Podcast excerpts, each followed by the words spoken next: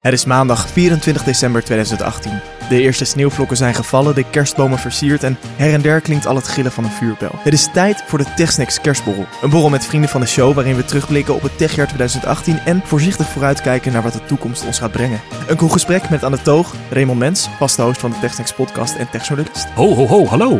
Hey, Menno Kiel, podcaster bij Tech45 en medisch adviseur. Hey. Dag Menno. En Marijn Korstra, ondernemer en vriend van de show. Hi. En natuurlijk ben ik er zelf ook. Um, Maarten van Oerkom, TechSnacks host en verpleegkundige. Welkom bij deze TechSnacks kerstborrel. Um, een podcast, ja, anders dan je van ons gewend bent. Um, uh, met een biertje. Uh, want ja, jongens van de Met Nerds op tafel, wij mogen wel gewoon bier drinken in de studio. Dus geen sparoot hier. Uh, met een biertje naast, de, naast de microfoon gaan we vandaag het jaar 2018 door. Kijk. En ze komen uit flesjes wel te verstaan. Zeker. Ja, we hadden eigenlijk van die beugelflessen moeten hebben. Dat is mooi. Ja, maar anders dat doen we zelf maar. doe jij hier even zo'n plopje in, in knippen nu. Zo, hop. En nog één. Nou, klinkt leuk. Hey jongens, we gaan het techjaar 2018 uh, bespreken en we gaan ook vooruitkijken naar 2019. Uh, zijn er dingen die jullie nu kwijt willen? Dat je zegt van, hier moeten we het nu over hebben. Behalve de laatste aflevering van Heel Holland Bakt. Mm. Nou, als we daar even bij stil kunnen staan, dan... Uh... nou, ik vond dat deeg wel heel erg bijzonder hoor, wat nou, Jannie nee, maakte. Even, nou, Jannie maakt geen deeg, hè, maar ik kijk dat dus wel. En je hebt die Marushka, heet zij, van Heel Holland Bakt, die sowieso heel omstreden is. Maar die heeft zoveel haar dat de hele tijd, en dat hangt ook helemaal los. Nee, dat als ik naar die aflevering kijk, dan, dan, dan heb ik gewoon de smaak van een haar die in mijn cake zit. Dan gaat de HACCP, of hoe heet dat? Hygiënecode bij jou spontaan... Uh... Nou ja, gewoon uh, persoonlijke hygiëne en een beetje fatsoen inderdaad. Ja, ik was vandaag bij een HEMA en daar uh, bestelde ik een hamburger. Want HEMA heeft tegenwoordig vet hippe restaurant. Lekker HEMA heet het dan. Niet gewoon HEMA, maar lekker HEMA. En uh, de meneer die de hamburgers bakte, die snit zowel de broodjes met zijn blote handen, maar dan pakte hij ook de nieuwe hamburgers mee voor op het vuur te leggen. Dus als ik na vandaag spontaan bacteriële infecties heb, dan is het de schuld van de HEMA. Ja. ja, ik was vandaag in de rechtbank om te getuigen. Ja, is ook leuk. ja, ik had even een, een uurtje vrij. Nee, om, uh, ik was daartoe opgeroepen, vier dagen geleden per post. En um, ik werd uh, opgeroepen om te getuigen in een zaak uh, van openlijke geweldpleging, die in september 2017 heeft plaatsgevonden. En waarvan ik in november 2017 aangifte of mijn getuigenverklaring heb genoteerd. En ik zat op mijn iPad. Ik dacht, jeetje, wat is mijn geheugen toch stoffig. Ik moet echt eventjes weer mezelf opfrissen. En ik ben kortzichtig op zoek naar de termen Aangifte, nou dan krijg ik mijn inkomstenbelasting. Politie krijg ik ja, een keer een woninginbraak. Zo heb je dat maar voorgedragen. En ik denk bij mezelf, verdorie, ik ben altijd zo georganiseerd. Nog even Dropbox geprobeerd en toen werden we uh, opgeroepen om uh, de zaal te betreden. En toen kwam de uit de maal waarom ik mezelf mijn administratie niet kon vinden. Dit was allemaal per post gegaan. Oh, dus ja. zat niet in een van je vele clouds. Ja. Nee, maar dat is een ding hè. Als je zoiets ziet. Ik heb het één keer gehad dat ik uh, s ochtends vroeg voor, een, voor een ochtenddienst in de winter rond een uurtje of zeven naar buiten liep. En tegen tegenover mij stond een kroeg. En er waren twee jongens die wel heel bijzonder bij de deur van de kroeg zaten. Die nog gesloten was om 7 uur s ochtends. En ja, ik dacht, nou, die zullen wat laten vallen hebben. Dus die zaten daar op hun hurken. En ineens, toen zagen ze mij. En toen gedroegen ze zich ook vreemd. En met dat ik de straat liep, dacht ik, dit is eigenlijk heel raar wat ik heb gezien. Ze zijn toen met de politie gebeld. En die kwam al meteen met loeiende sirenes mijn kant op. Maar ja, ik moest naar mijn werk. Dus ik ging de andere kant op. En toen belden ze me. En dan moet je dus gaan vertellen wat je hebt gezien. En wat let je dan slecht op? Dat oh ja. Dat viel mij zo ah. ontzettend tegen. Ik denk, als ik nou gewoon zo'n uh, zo'n zo'n zo'n slimme bril had gehad die dat even had gefilmd of zo. Het zou wel fijn geweest zijn. Even op je Google Glass Rewind. Ja, ja, precies. Dat, uh, of, of een Google Assistant die, dan, die ik dan even had kunnen aanspreken. En had gezegd uh, van, hé, hey, uh, oh ja, dit mogen we niet meer zeggen, want anders krijg je boos mailtjes. Maar hey, neem dit even snel op, want volgens mij klopt het niet. Nou, ik had laatst ook een moment in de tram dat ik dacht, oh, ik zou nu echt een Google Glass die mijn hele gezichtsveld opneemt willen hebben. Er was een moeder, die was heel moeilijk aan toe met vier tassen en twee pakken luiers. Daar zat de kind even niet in bedwang, dus die zat los in zijn kinderwagen. dat kan op zich wel, behalve als de tram hard optrekt. Oh nee. Dat kind werd uit die kinderwagen gelanceerd en die maakte een faceplant. Niet normaal. Ik denk, dit had het zo mooi gedaan op Dumpert. Maar, ja, ja, helaas had ik geen Google Glass om... Uh, dus maar... op zich ook wel zorgelijk dat anno 2018 dat je eerste gedachte is in plaats van hoe is het met dat kind. Maar... dat kind was zelf nogal beduust en die ging gewoon weer terugzitten en die snapte het zelf volgens mij helemaal wat er nou precies gebeurd was. Maar Google Glass hebben we niet in 2018 gehad. Wel andere wearables. Ja, ja ik uh, wil jullie graag uh, wat vragen voorleggen. Want als ik terugdenk aan 2018, uh, dan is het eigenlijk ja, waren het een tweetal onderwerpen die voor mij uh, dit jaar wel tekenden. En uh, één daarvan uh, is trouwens cryptocurrency. Dat dus zijn, zijn het eigenlijk drie onderwerpen. Ethereum. Maar ja, weet je, cryptocurrency, daar, daar snap ik gewoon niet zoveel van. Dat wil zeggen, ik heb er ook niet zoveel mee. Ik heb ook geen cryptocurrency, dus um, willen jullie niet aandoen om daar heel lang over te ouwehoeren. Want ik weet niet of jullie daar nog iets over, wil, over kwijt willen, maar... Nou, ik wil wel alvast voorspellingen komen aan het eind, maar ik ga nu gewoon alvast een voorspelling doen. 2019 wordt het jaar waarin de bitcoin nog verder gaat zakken qua harde waarde, want de speculanten zijn nu wel een beetje uit. Maar we gaan eindelijk eens achter de technische waarde komen van de blockchain. Dus nu is het vooral een tool voor speculanten, dat cryptocurrency. Maar ik denk dat in 2019 is de lucht er wel een beetje uit. Is het wel hopelijk een beetje stabiel, die bitcoin en andere munten. En dat we dan echt achter de techniek gaan komen die hoe die waardevol kan zijn. Ja, dus, dus jij bent echt iemand die zegt 2019 is uh, het jaar van de smart blockchain in de cloud uh, met uh, machine learning? Ja. nou, dan wil ik ook nog wel een duit in het zakje doen. Hey. ik denk dat 2019 het jaar wordt waarin het niet meer loont om met je GPU bitcoins te gaan minen vanwege de exorbitante prijzen van de tegen nieuwe moderne videokaarten. Jij wil gewoon een nieuwe videokaart of niet? nee, maar jongens, ik, uh, ik kijk even terug naar 2018 en dan zijn er twee thema's die volgens mij uh, de eerdere jaren nog in de kinderschoenen stonden en nu zijn ja, opgegroeid tot daadwerkelijk een volwassen, tussen haakjes, digitaal product. En uh, dan wil ik het met jullie hebben over e-health en over persoonlijke assistenten en alle niet in combinatie met elkaar. En want als ik, als ik kijk naar, nou laten we beginnen met e-health en, en fitness tracking. in de beginjaren van e-health, dan was het toch, oké, een beetje zoeken van wat we hier nou mee kunnen. Hè. We kunnen patiënten ondersteunen in de thuissituatie. We kunnen mensen uh, fitter laten worden. We kunnen lifestyleverbeteringen doorvoeren. We kunnen mensen daarmee ondersteunen. En het lijkt zich nu afgelopen jaar, en correct me if I'm wrong, als jullie hier een andere idee over hebben, dan hoor ik het heel graag. Want daarom gooi ik het op tafel. Heb ik het idee dat we een beetje uitgekristalliseerd hebben van waar we met e-health nou naartoe willen. Dus daar horen ook de fitness tracking en de health apps ja, bij dat, dan, dat, dat ja. kan ik even allemaal onder één. Uh, en dan, dan vind ik dat we het zo breed mogelijk mogen pakken. Dus dan gaan we van de app Headspace, die zorgt voor uh, wat meer innerlijke rust, naar uh, de ECG-functie van de Apple Watch, zeg maar. Valt me op dat er twee Apple Watch gebruikers aan tafel zitten, namelijk de hosts. En de gasten die zijn niet overtuigd van de Apple Watch blijkbaar. Of die vinden hun huidige horloge te mooi. Ik, ik denk combinatie van beide. Maar ik moet zeggen, qua, qua e-health, ik doe er echt heel weinig. Maar als je Headspace noemt, die, die valt er dan wel in. Die pak ik nou, één of twee keer per week erbij. Maar verder heb ik laatst voor de eerste keer de gezondheidsapp van mijn iPhone geopend. Maar jij kwam erachter dat hij er was. Ja, vorige week. Toen, ik, ik was mijn calorieën aan het bijhouden op, eh, op zo'n app. Maar dat gaat dan natuurlijk niet automatisch. Moet je gewoon allemaal met de hand invullen. Heel ouderwets. Mhm. Ehm, en toen kwam ik er dus achter dat die gezondheidsapp er ook op zat. En mijn stappen aan het tellen was. Oké, hey, maar Marijn, jij bent eh, ondernemer in het dagelijks leven. En dat, dat lijkt me zo leuk van deze thema's die ik, die ik nu op tafel gooi. E-health en de, de persoonlijke assistenten, de digitale assistent. Is, we zitten allemaal in een, in een andere sector. Eh Raymond is in het dagelijks leven techjournalist. Jij bent eh, ondernemer. Je eh, runt een business en eh, natuurlijk ook onze sponsor. Zijn er nou nog meer digitale toepassingen die bij jou en dan eh, vooral voor je mentale of je fysieke gezondheid hebben bijgedragen afgelopen jaar? En want eh, dat wil ik allemaal onder het kopje e-health gooien Ja. hoor. En er zullen heel veel mensen het vast niet met me eens zijn, maar laten we het zo aanvliegen. Ik denk oprecht alleen Headspace. Headspace heb ik wel echt intensief door het hele jaar heen gebruikt. En dat helpt me ook echt om met iets meer discipline te mediteren en even tot rust te komen. En dan heb ik ook Headspace Buddies. Dus ik heb ook vrienden van mij en medewerkers van mij en die gebruiken hem ook. En dan ben je naar Buddies mee. En als je dan van één iemand ziet dat hij hem al lang niet heeft gebruikt, dan kun je hem nutchen. Dus dan Ah. gaat er een berichtje met, hey Eikel, je hebt al lang niet... eh En lang even voor de mensen die het niet kennen, Headspace. Headspace is eigenlijk begeleid mediteren. Of tenminste, laat ik het anders noemen, mediteren voor dummies, maar ook voor gevorderden. Dus het begint met een, een tien dagen basis, waarin je heel langzaam met hele vet geanimeerde video's kennis maakt met, met Headspace creëren. Ja, het is, wel interessant, want afgelopen jaar is, tenminste ik vind het interessant, want volgens mij is afgelopen jaar door Headspace en volgens mij is Calm ook een grote meditatie-app, ehm, is meditatie volgens mij ontstegen van eh, zweverige eh, mensen in een zaaltje ergens in een, in een centrum eh, voor allerlei eh, cultuurdingen. Waar het net zo van naar Zweet stinkt. Ja, terwijl, en, en, en nu hebben we het in een tech-podcast over meditatie. Wat, wat maakt Headspace nou voor on- ja, ons soort mensen? De- nou ja, de, hoe, hoe, wil je dat definiëren? Ja, nee, maar goed. Eh, dat is lastig te definiëren natuurlijk. Eh, eh, misschien kunnen jullie eraan wagen. Maar... Yoga voor de geek. Ja, precies. W- wat maakt dit nou voor ons interessant? Eh, als, als, als twintiger, eh, als, als eh, druk, eh, iemand die, die druk is met werken.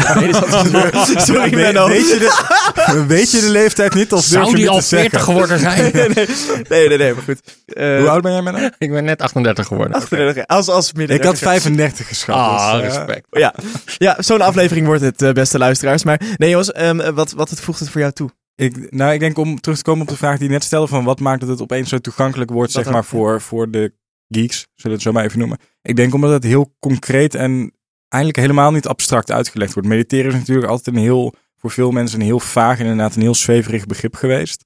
En Headspace is heel succesvol in het super basaal, super simpel, super concreet uitleggen met hele leuke animaties. Ik denk dat dat ook zeker meespeelt. Niet alleen met een stem en niet alleen met zo'n zweverige man die vertelt dat je dat je, je gedachten los moet laten. Maar echt goede video's die het heel goed uitleggen. Je hebt ons gebruikt, eh, Menno? Ja, helemaal- ik heb Headspace ook. Ik ben helemaal mee eens met wat Marijn zegt. Het appelleert heel erg sterk aan wat eh, nerds leuk vinden. Eh, bewegende dingetjes die goed geanimeerd zijn, gelikt. een mooie omgeving met goede typografie. Alles klopt. Wat ik, wat, ik heb Headspace ook een, een aantal keer gebruikt. Ik moet zeggen dat de discipline bij mij ontbreekt om het met regelmaat te doen. Ik ben nog op zoek naar om dat in te passen in Headspace mijn... buddy worden? Gaan we doen. ik uh, voeg je toe. om het, om het in te passen in mijn, eh, in mijn dagelijkse routines. Ehm, maar wat ik, wat, wat ik een voordeel vind van de eh, dingetjes die in Headspace worden, eh, of de, de begeleide meditaties en de begeleiding daarin, is dat ze ook benoemen dat wat er met jou gebeurt tijdens een meditatie, dat dat normaal is. Hè?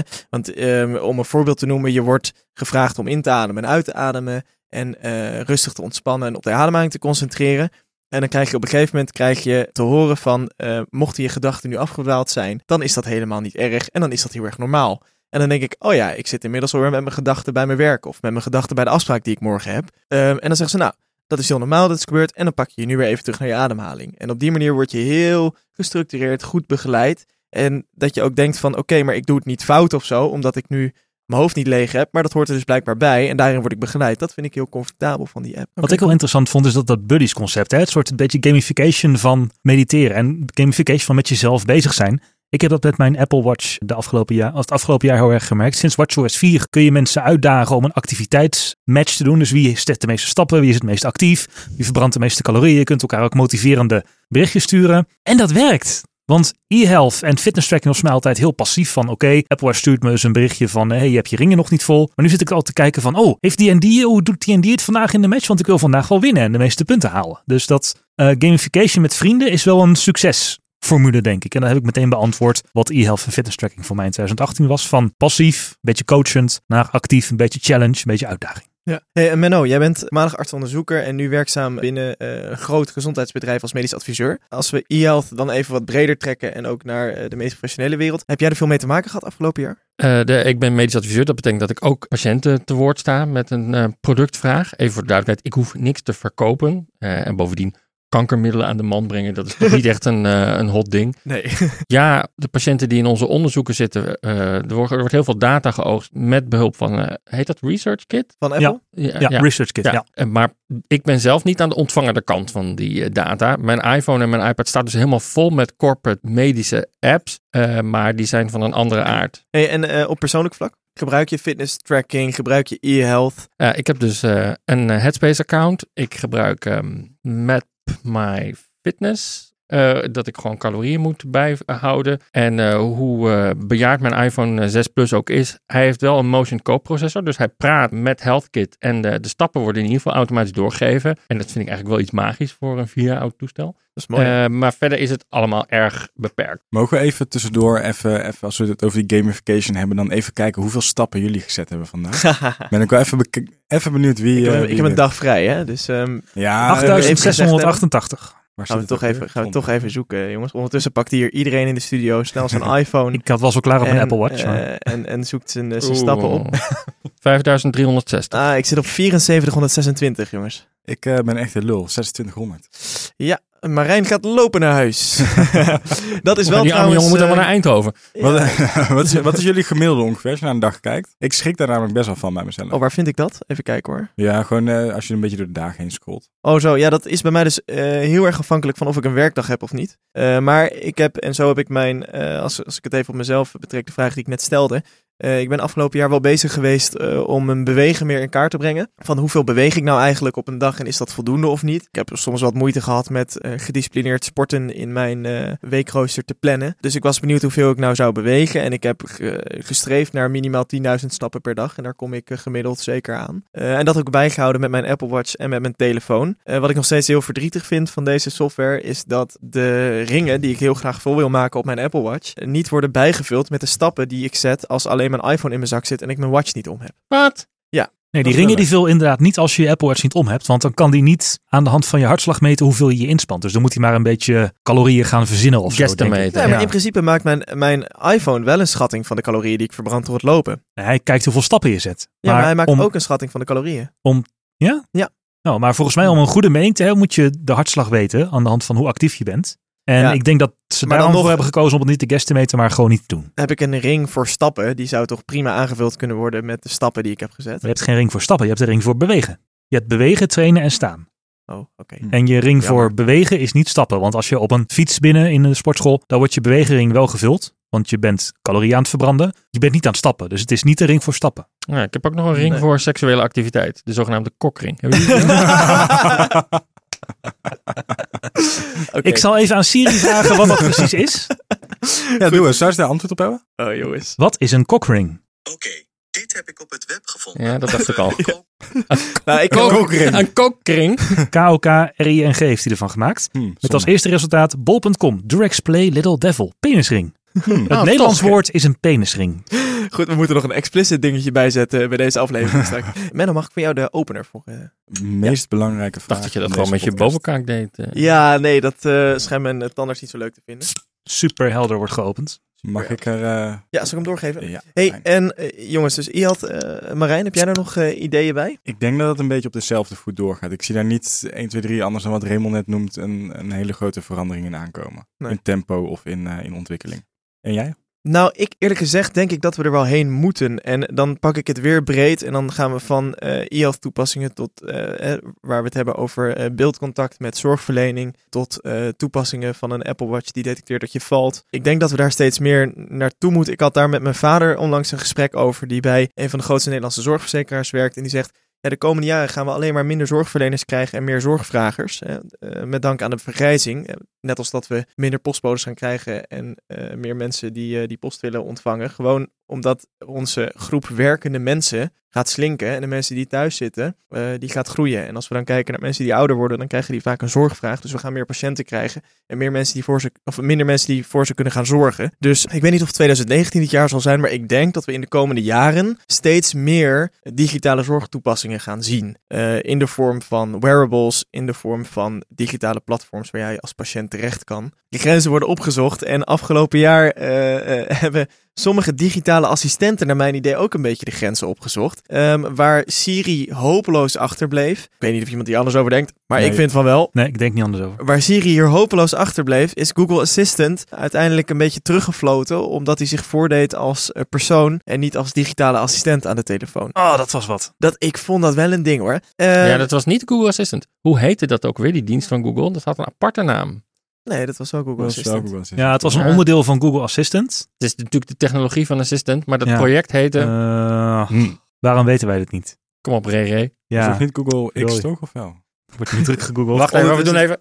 Zo, een knip. Wer- Werk je in de buurt van Eindhoven, Marijn? Ik bedoel ook eh, de campers van Philips? Nee, wij werken op... Duplex! eh, Zo. maar dat was toch gewoon de techniek? Heet het toch Duplex of heet het project Duplex? Google De- Duplex. Ja, dus eh, Google Assistant is teruggefloten. En eh, dat kwam eh, omdat tijdens de Google I.O. van dit jaar... Ja, een soort van techniek, Google Duplex, werd gelanceerd... waarin die Google Assistant een telefoontje deed naar een kapperszaak... en eh, daar een reservering plaatste... maar zich niet als assistent, digitale assistent, kenbaar maakte. Dus die zei gewoon, I'm calling on behalf eh, of Mr. Johnson, I want to make an appointment. En degene aan de andere kant van de lijn had geen idee dat hij met een digitale dienst aan het praten was. Dat is natuurlijk echt wel een ding, Menno. Nou, als we het nou hebben over onethisch. Ik voelde me net niet aangesproken, maar dit vind ik dus onethisch. Ja, want? Nou ja, dat je jezelf niet als robot eh, identificeert. Er zal dan misschien geen wetgeving over bestaan, maar dan moet er maar een rechter zich eh, daarover eh, uitspreken en dan is er een precedent geschapen. Ja, volgens mij is, is, is het ook teruggefloten en eh, zijn er richtlijnen voor opgesteld. Nou ja, Google heeft nu zichzelf gereguleerd op dat punt. Dus ze zeggen nu dat het de Google Assistant is en dat hij namens een client belt. Eh, maar dit toont wel mooi aan dat Google echt een enorme blinde vlek heeft voor het menselijke. En dat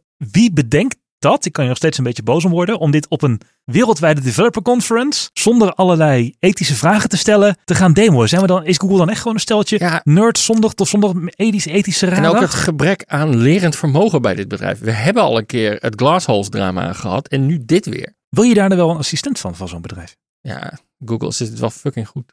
Ik Ja. gebruik heel bewust geen Google product. Of geen is niet waar, maar wel zo min mogelijk. Gewoon Ja. omdat ik het, het gewoon geen lekker gevoel vind. Dat ik denk alles wordt opgeslagen. Gewoon alles. Ik heb dus een, eh, een vriendin die eh, Android-telefoon heeft. Eh, dat klinkt verschrikkelijk, maar ze is heel leuk.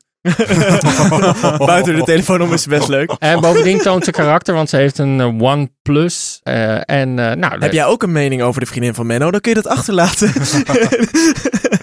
eh, en- nee, maar het toont ze wel karakter door niet de zoveelste Samsung eh, Galaxy S9 Ja, ja, eh, ja. te kiezen. Eh, maar echt, ze heeft er studie van gemaakt. Maar er staat dus heel erg groot, staat er in de launcher, eh, de Google Search Bar. En ze maakt er ook daadwerkelijk gebruik van. Dus ze is ook echt dol op alle Google diensten. En ze, ja, ze, ze komt uit een advertising achtergrond. Dus ze houdt ook echt van reclame. En ze wil ook graag getarget worden. Fascinerend vind ik dat. Nee, maar dat heb ik dus. Ik, vind, ik vind dat dus ook wel oké. Ik heb liever een reclame. Ik ben. Ja, ik- die reclames kan ik niet uit de weg. Dus ik word er toch mee lastig gevallen. Nee, ja, maar zij wil dus de 5 seconden reclames, of sorry, de reclames van YouTube die je na 5 seconden kan wegklikken, wil ze uitkijken. Oh. En ik heb zoiets van, "N- ma- mag ik weg, mag ik weg? Ja, nu mag ik weg. Ja, dat heb ik ook. Eh, waarom ik hierover begon is, ehm, we hebben een soort van eh, AI-wars in huis. Dus zij praat met Google, niet slecht voor eh, Ah. een eh, jonge vrouw in haar eh, dertiger jaren. En ik ben in reactie met Siri gaan praten. Eerst eh, met volle vrezen. Maar ik dacht, ja, ik kan toch niet achterblijven. Dus ik heb vandaag maar weer eens een duit in de ring gegooid. Hoe oud is Sandra Bullock? Sandra Bullock is 54. En dat is Siri te beantwoorden. Dat is mooi. Dat is Ehm, een complexe vraag. Nou... Zie Wikipedia feitje op. eh, Ja, nou, ik werd al blij dat, was al blij dat ik niet naar de internetpagina werd verwezen. Van, eh, zoekt u het maar uit, meneer. Nee, maar dat is wel.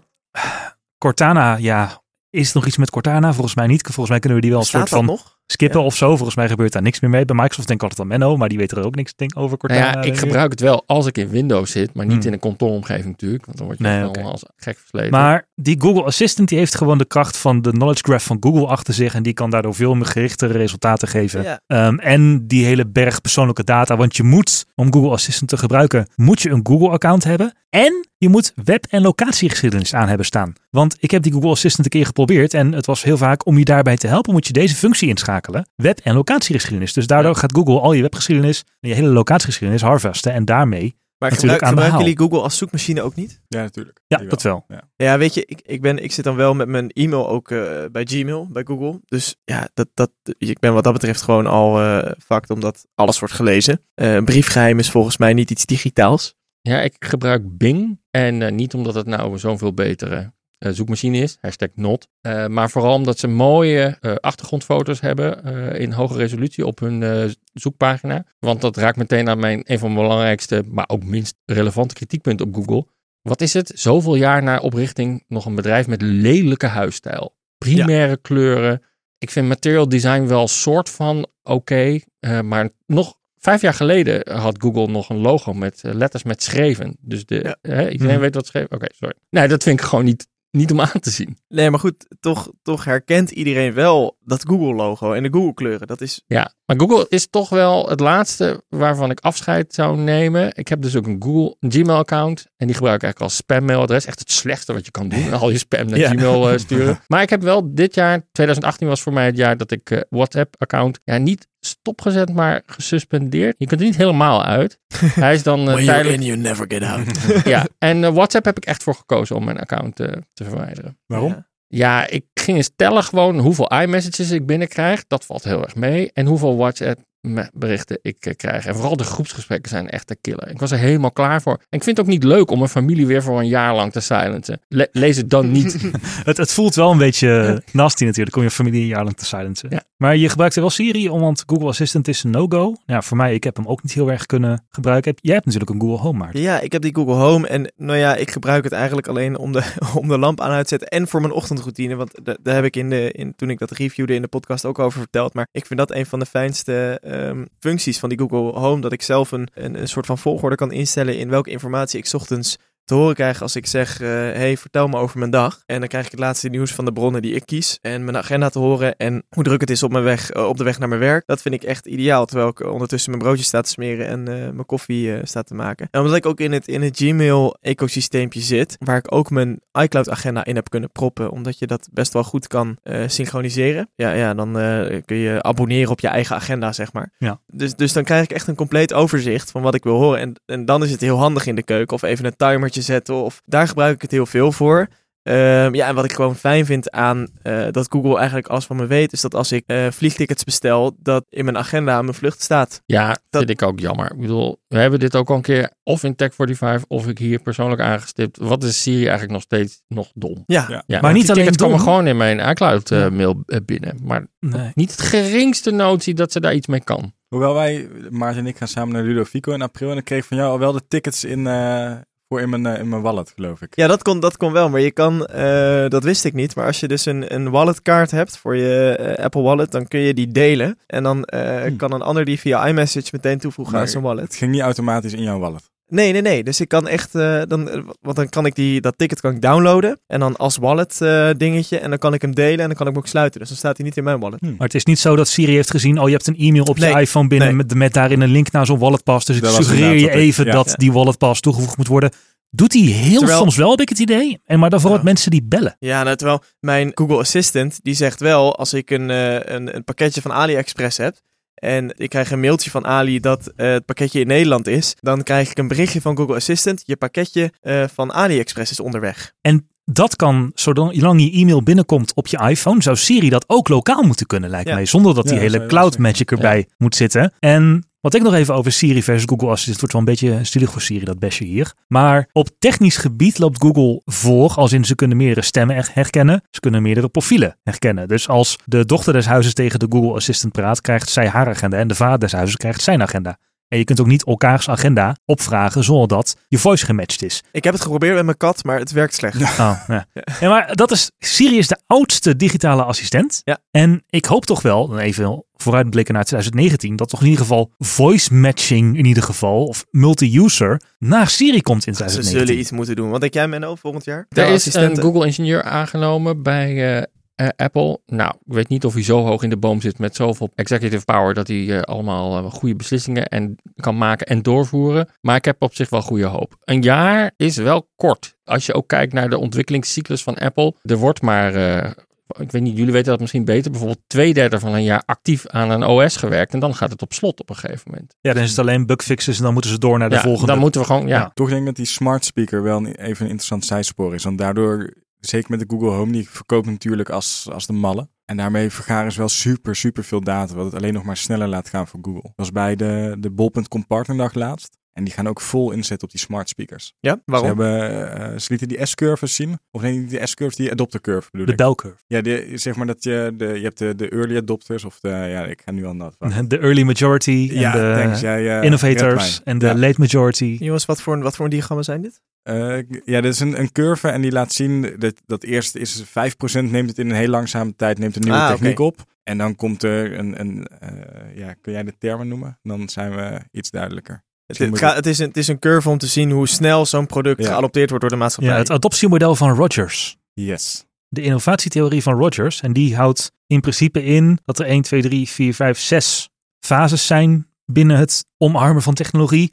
Je hebt de innovators 2,5%, de early adopters 13,5%, de early majority 34%, de late majority, dus eigenlijk als de helft het al heeft, aansluit. En de laggards, dus die op het allerlaatst komen, dat is 16%. Ehm, die van de smart speakers is de snelste ooit. Dus we hebben gekeken naar radio, naar televisie, naar internet, naar, ehm, naar de smartphone. En die van smart speakers gaat echt op een bizar tempo. Ik geloof vier of vijf keer zo snel. En in dit tempo verwachten ze dat heel veel mensen hem heel rap in huis hebben. Wat natuurlijk ook als ik in mijn eigen kennissenkring kijk ook echt heel rap gaat. En um, hebben we het dan over de Google Home? Een smart speaker, maar Want dat is wel Oh, met name de Google Home op dit Want- moment. Ja, ja. Ja, in Nederland, je krijgt hem bijna gratis bij een appel en een peer bij de Albert Heijn tegen. Ja. Je koopt, ja, maar je koopt hem ook bij de Albert Heijn. Dat is Ja. Natuurlijk best wel een ding. Als je het hebt over hoe makkelijk zoiets en hoe toegankelijk zoiets is. Dan Ja, Google- je moet Apple wel wat mee. Ik maak me wel een beetje zorgen om, want dit is natuurlijk een hele aparte tak vol devices, met of zonder eh, schermpje, klein of eh, groot, voor op je nachtkastje. En ik heb niet het idee dat het heel erg leeft bij, bij Apple. Of het is slechts het eerste begin wat we hebben gezien. Ja, er zijn natuurlijk al een tijdje geruchten over een HomePod Mini.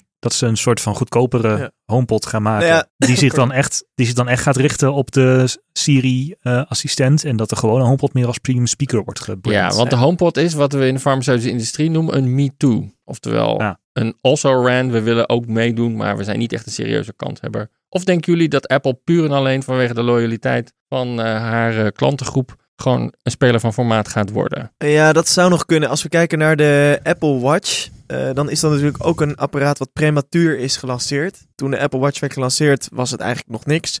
En nu bij de generatie 4 hebben ze de eerste serieuze smartwatch. Is de HomePod naar jullie mening instrumenteel om Siri naar een hoger niveau te tillen? Omdat het gewoon niet anders kan. Nee, de HomePod is momenteel op dermate kleine schaal actief. En de, Apple zal het toch nu gewoon te duur, denk ik. Apple zal het nu gewoon van de iPhone moeten hebben. Ze moeten meer data gaan verzamelen van Siri-gebruikers van de iPhone. Want daar wordt vooruitgang geboekt. En die HomePod, ja, is de nieuwe Apple TV hobby, zeg maar. En het feit dat je voor, voor 30 euro in de aanbieding bij de Albert Heijn een, eh, een, een, een Google speakertje hebt met de hele Google Assistant Daar is niet tegen op de box. Daar is niet tegen op de box met een premium speaker. Hey, en daarmee wil ik eigenlijk, eh, we gaan, we gaan ja, beslissen dat we gaan zien in 2019 wat dit gaat worden. Ik ben, eh, ik ben heel nieuwsgierig.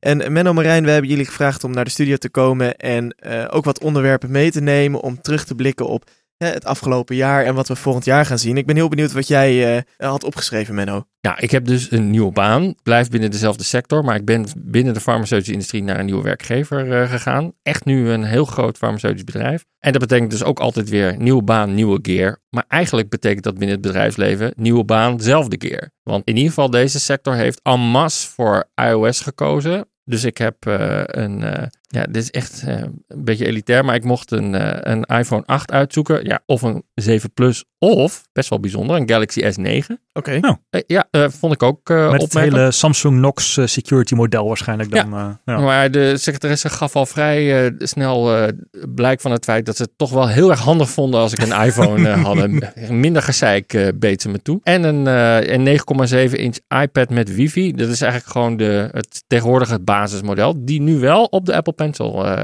eh, reageert. Ja. En helaas als laptop een eh, Lenovo eh, ThinkPad met een domme eh, trackpoint. Dat is Oh, een zo'n beetje clitoris erop. Nou ja, ja. Jongens, het wordt echt een explicit eetje bij deze aflevering eh, zometeen. Wat weet jij daar nou van? Ja, ik heb geen idee. ja, als ik dat ding zie, dan denk ik, oh, dat is een clitoris. Oh ja, ja, ja. Ja. ja. Ik, niet op feiten gebaseerd. Ik heb geen enkele referentie Nou, ik vind hem super irritant. Ik wou dat de trackpoint een voorhuid had. Ah. in ieder geval, de, overigens, dit eh, bedrijf is een maatje groter dan het vorige. Hier is een daadwerkelijk eh, eh, Macs zijn een ding, maar wel voor de creators en de programmeurs binnen het bedrijf. Dus er is een, echt een, een programma, Macs at J&J. Maar daar kom ik niet voor in aanmerking als simpele arts. En ja, ik, dus het is wel een BOID-policy. dus ik kon mijn iPhone en mijn eigen iPad gewoon meenemen. En als je even snel een profieletje installeert, dan val je onder het mobile device management. En kan je gewoon eigenlijk doorgaan eh, met het gebruik van je eigen eh, apparaten. Maar ja, die Mac, die zit er dus nog niet in. En, en de reden waarom ik dit heb gezegd, want het is eigenlijk helemaal niet zo interessant om over Menno's nieuwe baan te horen, is: heeft macOS een kans in het bedrijfsleven? Want er is ooit een iMac geweest, hè, een education Mac. Ja. Moet er een B-Mac komen van, nou, noem maar wat, polycarbonaat? Hè, dus moet de, de zwarte of witte plastic laptop opnieuw tot leven worden geroepen voor het bedrijfsleven als, eh, als interessante als sales point. Je gaat de Mac in het bedrijfsleven volgend jaar niet redden met een ander model of zo. Dat is, dit is puur software en monopolie van Microsoft, denk ik. Nou, maar het gaat heel hard hoor, met prijsrange webapps en ja, wat, hij moet goedkoper. Dat snap ik wel. Want mensen behandelen die apparaten van hun werk gewoon als oud vuil. En dan kan je Hmm. gewoon nog zulke geavanceerde laptops maken met T2-chips erin. Ze, hij moet goedkoper. En ik denk ophouden met het frezen uit één blok aluminium kan eh, daarbij helpen. Nee, Ik denk, ik denk dat je daar wel een punt hebt, Menno. Ik denk dat inderdaad als je dit soort dingen opnieuw gaat aanbesteden, hè, eens in de zoveel jaar, dan is gewoon zo'n zo'n cycle weer aan de beurt. En dan moeten er nieuwe laptops worden geregeld voor het bedrijf. Dan is het huidige stok is afgeschreven en dan moet er eh, gekeken worden. En als je dan voor 300 euro per laptop hetzelfde kan krijgen wat in een Apple laptop van 900 euro zit, als je dat in eh, partijen aanschaft, ja, dan snap ik wel dat zo'n bedrijf voor 300 euro gaat. Ik denk dat dat, dat echt de grootste bottleneck is. Spreadsheet inkopen dus gewoon. Ja, maar, daar- ja, maar goed, op zo'n schaal, daar gaat het wel om, ja. Want het- is dit allemaal korte termijn denken? Dit soort beslissingen worden toch op de lange termijn gemaakt? De, en net als leasehouders, hè, er wordt vanuit gegaan, nou deze Windows laptop gaat vier jaar mee en hij moet het gewoon doen. Nou, die eh, Lenovo ThinkPads eh, zijn weliswaar spuuglelijk, maar onverwoestbaar. Die leven dus ook gewoon nog allemaal na vier jaar. Maar een Mac moet dat ook kunnen. Probleem is, niet voor dezelfde prijs. Nee, ik denk, dat dat, dat daar is. Wat Raymond net zei, ook wel een software ding is. Want heel veel, heel veel businessen draaien natuurlijk op Windows Server. Waar vandaan die profielen komen. Je no- noemt net al, Apple maakt daar, maakt daar stappen in. Maar ik denk het, het hele ecosysteem wat Microsoft rondom de business heeft. Met server, met Exchange voor de e-mail. Al dat soort dingen. Ik denk dat het heel lastig is voor Apple om daar aan te tippen. Ja, Exchange is natuurlijk wel getackeld, want er is gewoon native Exchange support in macOS. En Ja. iOS, eh, maar daar hadden we het niet over. Eh, De afhankelijkheid van bijvoorbeeld Internet Explorer 6, hè, dat was een beruchte oude eh, versie waar heel veel banken en andere bedrijven, ziekenhuizen ook, hun apps op hadden gebaseerd. Die is volgens mij aan het afnemen, niet aan het toenemen. Dat mag ik in ieder, in ieder geval hopen momenteel. Nee, ik bedoel dan de afhankelijkheid van Edge of Chrome. Oh, zo. Ja. Sorry, van de browser bedoelde ik. Ja, Internet Explorer 6, dat kan echt niet meer. Nee, Eh, dat kon vorig jaar al niet meer en vijf jaar geleden eigenlijk ook al niet meer. Nee, maar het is wel interessant dat je zegt dat het puur de creatievelingen en de programmeurs binnen het bedrijf zijn. Dus er is wel een soort van. De Mac staat op de kaart. Hij is dus vooral voor de uitzonderingen en niet voor de mainstream. Lijkt Ja, nog steeds het, de gedachte Het voelt te zijn. een beetje als, ja, als iedereen dat wil, dan is het hek van de dam. Ja, en wat, wat zou er dan fout kunnen gaan, weet je wel? Ja, het, het, Dat antwoord, is- het antwoord Daar heb ik niet. Prijs Ja. ook wel, inderdaad. Hmm. Als je iedereen in je organisatie van een minimaal 900 euro MacBook moet voorzien, gaat denk ik de inkoop voor de techniek een heel, heel eind omhoog. Marijn, om eh Nodots te vergelijken met eh, het bedrijf eh, waar Menno voor werkt, is misschien wat, wat ambitieus. Maar jij bent natuurlijk wel ondernemer en komt ook voor dit soort vragen te staan. Als jij nou mensen aanneemt of keuzes maakt binnen je bedrijf op welke hardware je werkt, waar hou jij dan rekening mee?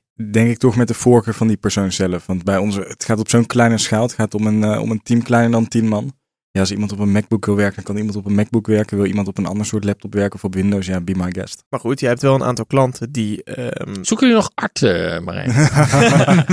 bent welkom, bent zeker welkom. Maar je, je hebt natuurlijk wel eh, klanten die eh, gesteld zijn op hun privacy. Ja. Eh, wat grote klanten waar je eh, niet veel over mag zeggen. Eh, stel je nog eisen aan bepaalde eh, eh, veiligheidsaspecten of, of Ik denk dat we daar, en daar ga ik heel eerlijk in zijn, dat is misschien niet heel verstandig, maar ik denk dat we daar nog wel veel te halen zouden hebben. Nu gaat het vooral toch wel echt op gezond verstand. Dat iedereen gewoon, iedereen is bij ons technisch en iedereen is bij ons jong. Dus iedereen weet wel hoe die met de beveiliging van zijn laptop om moet gaan.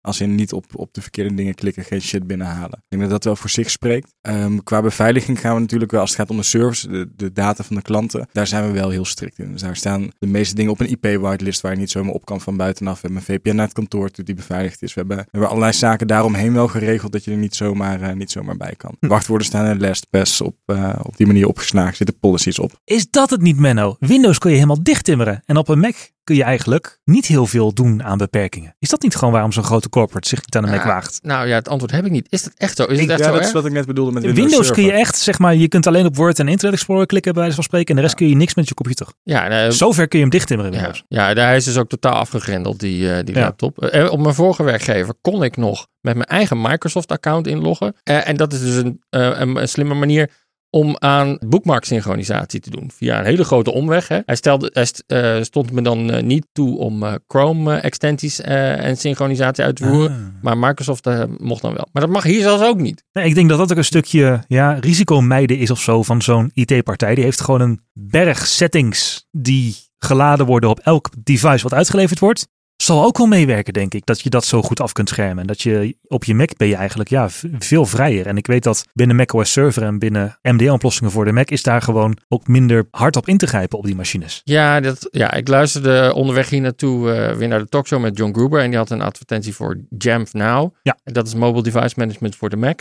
En toen dacht ik bij mezelf, is dat niet op, op enorm grote schaal door een bedrijf in te zetten? Of is dit iets, en dan kijk ik nu ook even schuin nog naar Marijn, eh, wat alleen maar voor eh, kleine tot middelgrote bedrijven goed werkt? Omdat het daarna, ja, Ik, ik moet heel eerlijk zeggen, ik was even naar dus ik was even, heel even uitgecheckt uit de laatste paar zinnen. Ja. Ja, ik weet het wel. Eh, je hebt Jamf nou, dat is voor de MKB'er. En je hebt Jamf en dat is voor de duizenden, duizenden, duizenden. Eh, maar daar gaat het vooral over het op afstand wissen van apparaten, het vinden van apparaten. En niet zozeer op helemaal al die settings dichtzetten voor het gewone werkvolk, wat geen programmeur is, dus er wel niks van zal weten. Denk ik even wat management gedachten. ja, ja, dus je krijgt geen administrator rights, maar gewone standaardrechten als gebruiker Ja. of niks. En er is Ja. niet een soort tussenvorm. Volgens mij is die heel beperkt toe te passen. Hm, Oké, interessant, maar wel jammer. Maar ik denk dat dat de Mac, eh, de zakelijke Mac in 2019 wel in de weg gaat staan. Want Toch even een ander, sorry dat ik je onderbreek, maar een ander puntje. Is het ook niet wel heel ouderwets? Natuurlijk op hele grote schaal moet je misschien wel. Maar om zo'n laptop af te grendelen, even ook vanuit mijn perspectief als ondernemer, ook op de business gekeken. is toch ook een soort kleinserig en een, een soort betuttelend om je medewerkers helemaal af te grendelen in die laptop. Je- Ja, maar dit is gewoon usance in, eh, in de zakelijke wereld. Eh, overigens nog ja, wel en een- misschien, misschien ook, sorry dat ik je onderbreek, maar omdat wij, we zitten natuurlijk wel een beetje binnen een geekbubbel hier. Hè? Dus wij weten wel, zoals je zelf en binnen je bedrijf ook je eigen bubbeltje aan mensen hebt, die weten wel hoe ze met hun digitale veiligheid om moeten gaan. Maar er zijn genoeg mensen die eh 1, 2, 3, 4 als hun standaard wachtwoord hebben voor alle internetservices. Dus om iedereen binnen zo'n bedrijf te, beschermen, ons, of, ja. en, en inderdaad, om, om ze te vergelijken met ons, denk ik niet dat het helemaal fair is. hey, even een punt van orde. Wil er iemand nog iets drinken? Want het is natuurlijk de Technex kerstborrel. En ik zie al wat lege flesjes op tafel, dus kan ik nog iets meenemen voor iemand? Wil er iemand nog iets drinken? Nee. Ik was er Ik heb wel een plaspauzebehoefte eigenlijk. Maar... Ja. Zullen we dat even doen? Ja.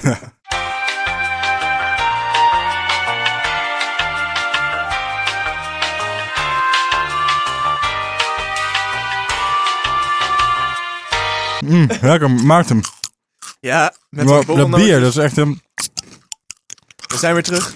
Gewoon even proosten. We zijn Mm. weer terug na een eh, korte onderbreking. En eh, dat is echt een mooi geluidseffect.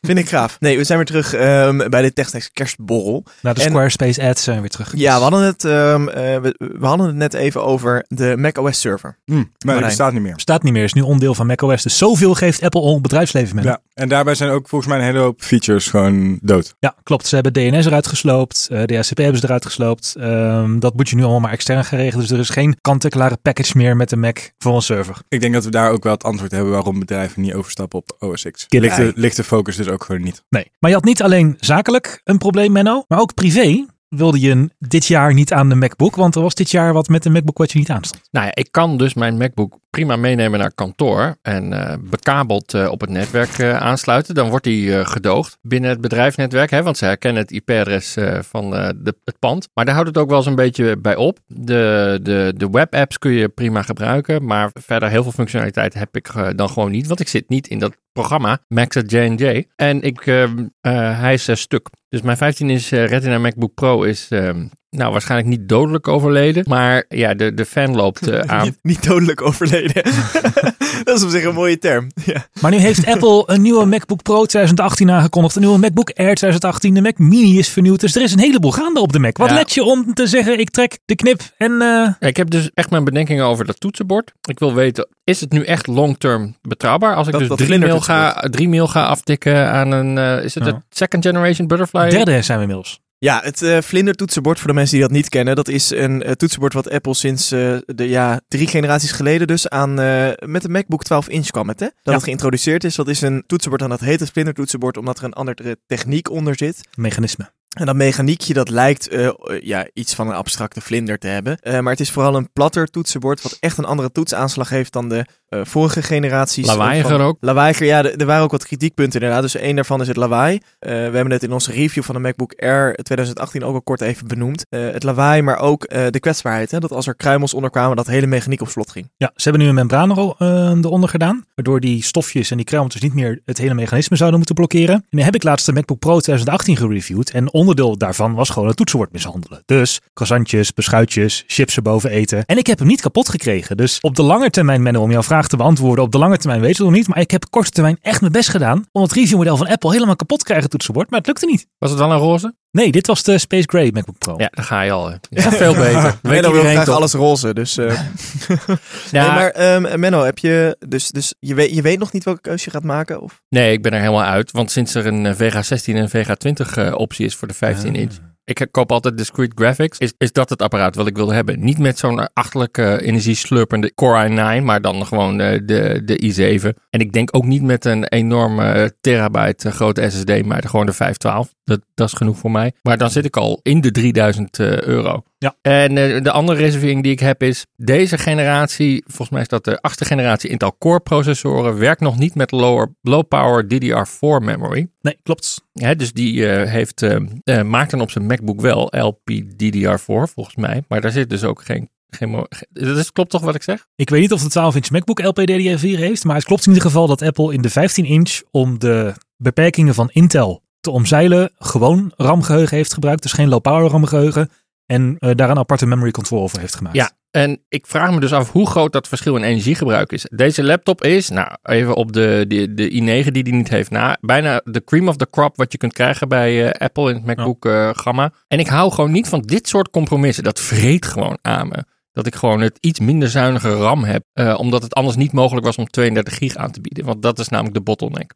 Wat wel een tendens is bij Apple momenteel is dat de accuduur er alleen maar op achteruit gaat. Er is geen enkele nieuwe MacBook die ik het afgelopen jaar gereviewd heb. En dan waren het niet de duurste modellen. Het was de 13 inch Pro en de Air. Waarvan ik dacht, dit is netto een vooruitgang op de accuduur. Het was altijd een achteruitgang. Ja, ben ik op zich wel gewend. Eh, ik heb altijd van die slagschepen. Ik kom van eh, de 17 eh, inch ooit ook met discrete graphics. Toen werd het nu dus mijn tweede MacBook, de 15 inch Retina MacBook Pro. Ik weet niet, daar zit volgens mij een Radeon in. Of misschien toch Nvidia, weet ik even niet meer. En die is ook al niet heel zuinig. Zes uur is al heel wat. Hm. Eh, en in Windows kan je het schudden, want hij heeft slechte drivers. En dan staat permanent de discrete gra- graphics aan. Kan je niet eens terugschakelen naar die, eh, die integrated graphics. En ik verwacht niet heel veel beterschap bij deze nieuwe. Nee. Hey, eh, Menno, wij vroegen eh, toen we jullie uitnodigden ook ehm, om na te denken over volgend jaar. Nou ja, je hebt dus wel een idee over welke MacBook je wil. Eh, maar jij kwam met drie mooie hashtags. Anno 2018, hashtag hebben, hashtag wachten en hashtag durf te vragen. Laten we beginnen met hashtag hebben. Ik zag weer een eh, Linus Tech Tips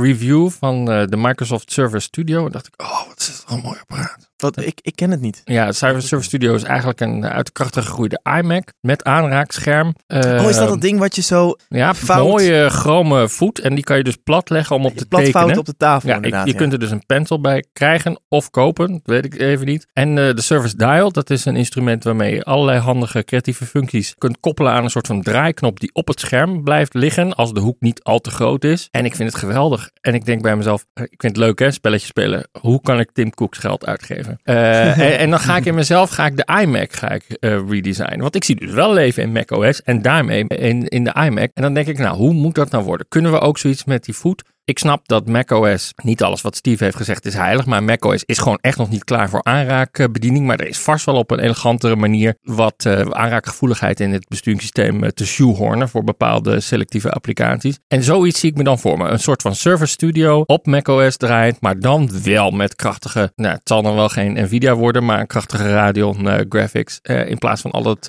lullige GPU gebeuren. Ja, want die Surface Studio is nu eigenlijk gewoon een laptop met een scherm. De laptop hardware met een mooi groot scherm Het is erop. een Dus eh, all-in-one van Microsoft. Ja. Nu in zijn tweede generatie. De eerste generatie was niet zo heel erg denderend. Ook qua rekenkracht niet. Ehm, nog steeds niet, hè? Nou, de, de CPU's zijn nog steeds niet eh, Nee. up to speed. Het is nog steeds zevende generatie. En de GPU's gaan wel. Dus je kunt een 1070 eh, krijgen Hm. in zo'n compacte behuizing. En die kan echt wel wat. Maar goed, hij heeft dan ook een scherm aan te sturen van, uit mijn hoofd, 3000 keer 2000 pixels. Ja, het is een behoorlijk scherm. Van, hoe, ik geloof wel 30 inch. Het is een lel van een apparaat. Maar ik vind het geweldig om te zien. Maar heeft de iMac niet veel meer behoefte aan bijvoorbeeld gewoon een verstelbare voet al? Want die is er nu eigenlijk ook al niet. Dus is het niet te grote stap? Ja, als we dan Om toch- te zeggen dat Als we Apple... het dan toch gaan verstellend gaan maken, want de iMac is super onergonomisch, Ja. laten we hem dan maar helemaal plat kunnen eh, leggen. En dan misschien in combinatie met de... Want eh, Apple kan gewoon met één pennenstreek de hele Wacom Cintiq eh, markt, nou misschien niet meteen compleet wegvagen, maar, maar gaan, gaan domineren. Want die creatieve professionals, ze zijn een tijdje weg geweest bij Apple, want we hebben ze weggejaagd. Ze zijn gewoon nu weer terug. Maar is dat niet iets wat ze proberen met de iPad Pro ook? Ja, ja, iPad Pro heeft natuurlijk eigenlijk zijn eigen schare fans. Hè? De, de Federico Vitici's van deze eh, wereld. Maar als je dan ook bijvoorbeeld iemand als Jason Snell hoort. En de manier, hè, op het moment dat hij podcast moet gaan editen op een, eh, op een iPad Pro. Het is toch geen feest. Ik zie het Raymond ook niet zo snel doen, een podcast editen. Je hebt het wel eens gedaan, denk ik. Ja, ik heb het wel eens gedaan, maar Vertel eens. ja, ik miste sowieso een goede edit-app voor de iPad Pro. De Snurl Ferrite, maar dat is nog niet heel super. Ook op het gebied van compressie die je toe passen en normalizen kan het eigenlijk allemaal niet heel erg goed. Ehm, en ik miste het gebruik met twee handen. Dus ik heb, als ik de Adobe apps gebruik, heb ik één hand op het toetsenbord. Daar doe ik snel snelkoppelingen mee. Dus knippen, plakken, inzoomen, uitzoomen. En mijn rechterhand zit op de muis en die kan heel snel acties doen. Ik moet telkens, als ik op die iPad bezig ben, met mijn vinger naar het scherm en daar pinchen. En dat is niet sneller dan die toetsenbord snelkoppelingen. Dus Hm. qua workflow, misschien is het een andere workflow die je moet aanleren. Maar qua workflow zie ik lang niet alle professionals, zeker die nu met eh, Adobe apps werken, naar de iPad Pro gaan. Nee, zeker niet. Want moet je ook voorstellen, de eeuwige aantal submenu's en opties en features in, in Adobe, laten we maar eens Photoshop nemen, of Premiere in jouw geval, die zijn niet allemaal in de, in de GUI van, eh, Nee. van eh, iOS te verwerken. Dat kan gewoon helemaal niet. En dan hè? krijg je uitklapmenu op uitklapmenu op uitklapmenu of zo. Ja, dus nou ja, goed. Helaas, Apple wordt gerund door een bean counter. Dus het zal er wel niet zo snel komen, zo'n mooi eh, feature-rich eh, Ze zullen nog wel eh, even, iMac. ze zullen nog wel even hashtag wachten. Hey, eh, waar ga jij op hashtag wachten, Menno? Volgend jaar? Ehm, ik ben nog steeds eigenlijk kat uit de boom aan het kijken wat betreft domotica. En dat komt een beetje door eh, Philips Hue. En het feit dat je daar dan weer een Hue Bridge voor nodig hebt, ik snap het allemaal wel hoor. Maar ik heb er gewoon geen zin in. Ik wil eigenlijk dat er goede, betrouwbare apparaten, domotica-apparaten zijn, die niet met één muisklik door een Chinese hacker eh, te slopen zijn op afstand. Eh, die gewoon rechtstreeks een IP-adres eh, en dan een, eh, is dat een IP-IVSIS? Zo'n modern IP-adres? Nou, doet er Ja, niet toe. IPv6, ja. Ja, eh, die allemaal een uniek IP-adres eh, hebben en die ik rechtstreeks van buitenaf, desnoods vanaf de andere kant van de planeet, kan aansturen. Met een webservertje met admin admin erop en dan eh, lekker. Eh, Ja. Maak me gek. Nee, ja, ik heb dus eigenlijk maar één domotica-apparaat en dat is mijn centrale verwarming. Dus ik kan Ah. nou vanuit hier, kan ik mijn eh, cv harder of zachter zetten of zeggen dat ik op vakantie ben omdat ik dat ben vergeten. Maar die werkt dus eh, op het Je, 800... vaka- je vakantie bent vergeten. Ach, nee, omdat ik vergeten ben te vertellen dat ik het huis heb verlaten. Maar die werkt dus op het 802.11 eh, B-netwerk. Dat is heel oud. Dus dan kan ik, hè, dus, eh, ik kan dus niet overschakelen naar AC-only in huis. Dus ik moet een Ah, 2,4 ja. gigahertz... Je antieke eh, wifi moet je blijven behouden. ja. Dat is ook beroerd. Maar zeg. wat jij net vertelde met een apparaat met een eigen IP-interface waar je op kan inloggen, dat is eerder 2014 dan 2019 hoor. Nou, leg maar uit dan.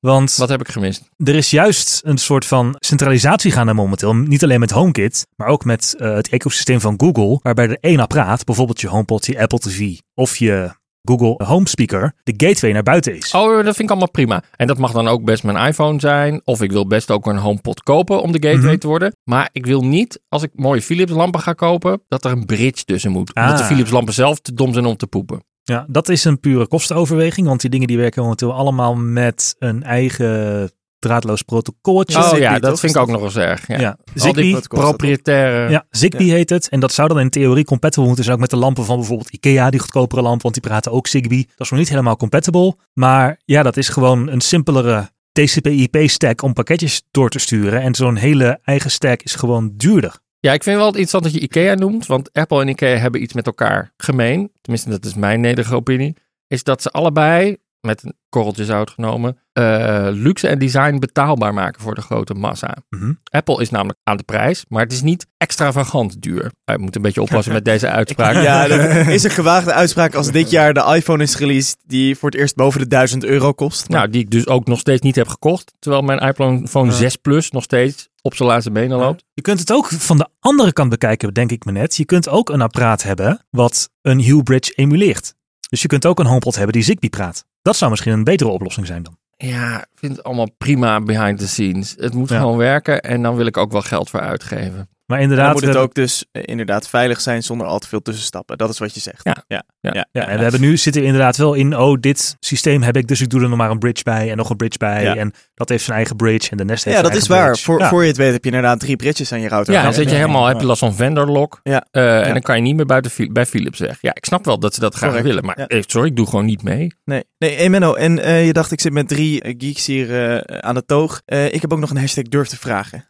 Ja, eh, mijn, vraag, mijn vraag was, wat heeft BMW tegen Android Auto? Oké, dit moet je misschien even iets meer introduceren. Hoe kom je En, en hierbij? terwijl je dat doet, ga ik even googlen op deze vraag.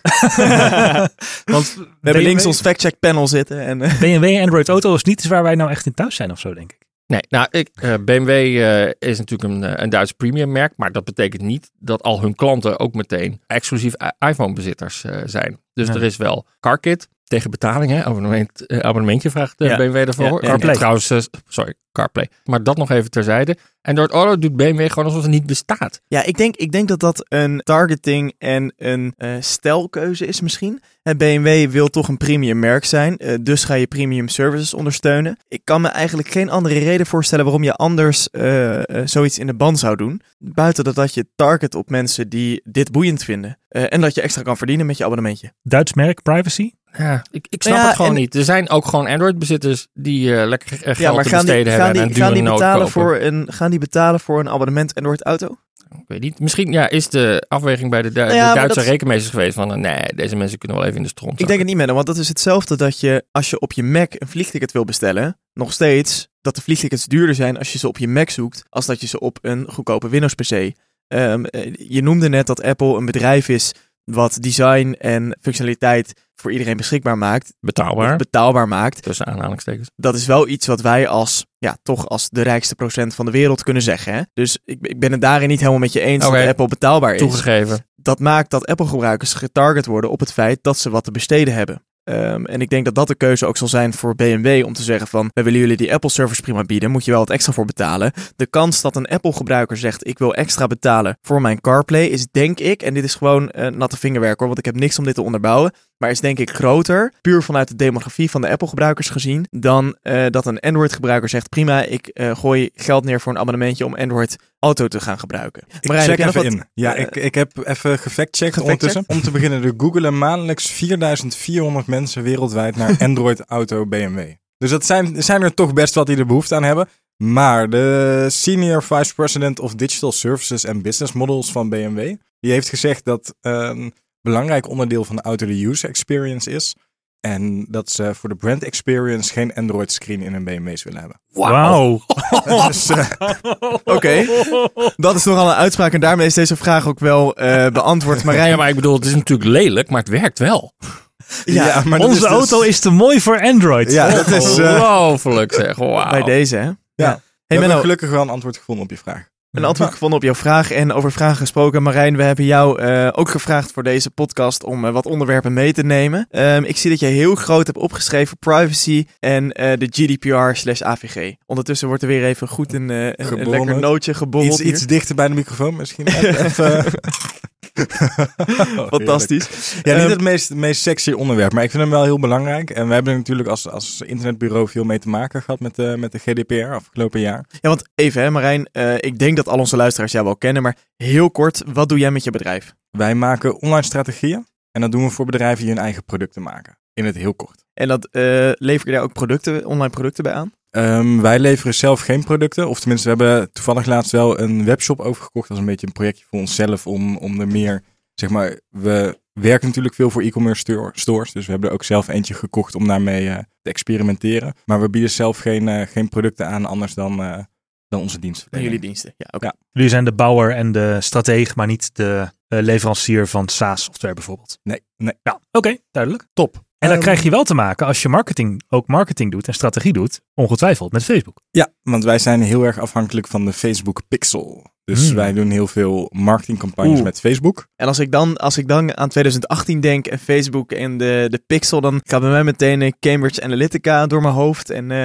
gaan allemaal alarmbellen rinkelen. Misschien wel het grootste privacy schandaal van 2018.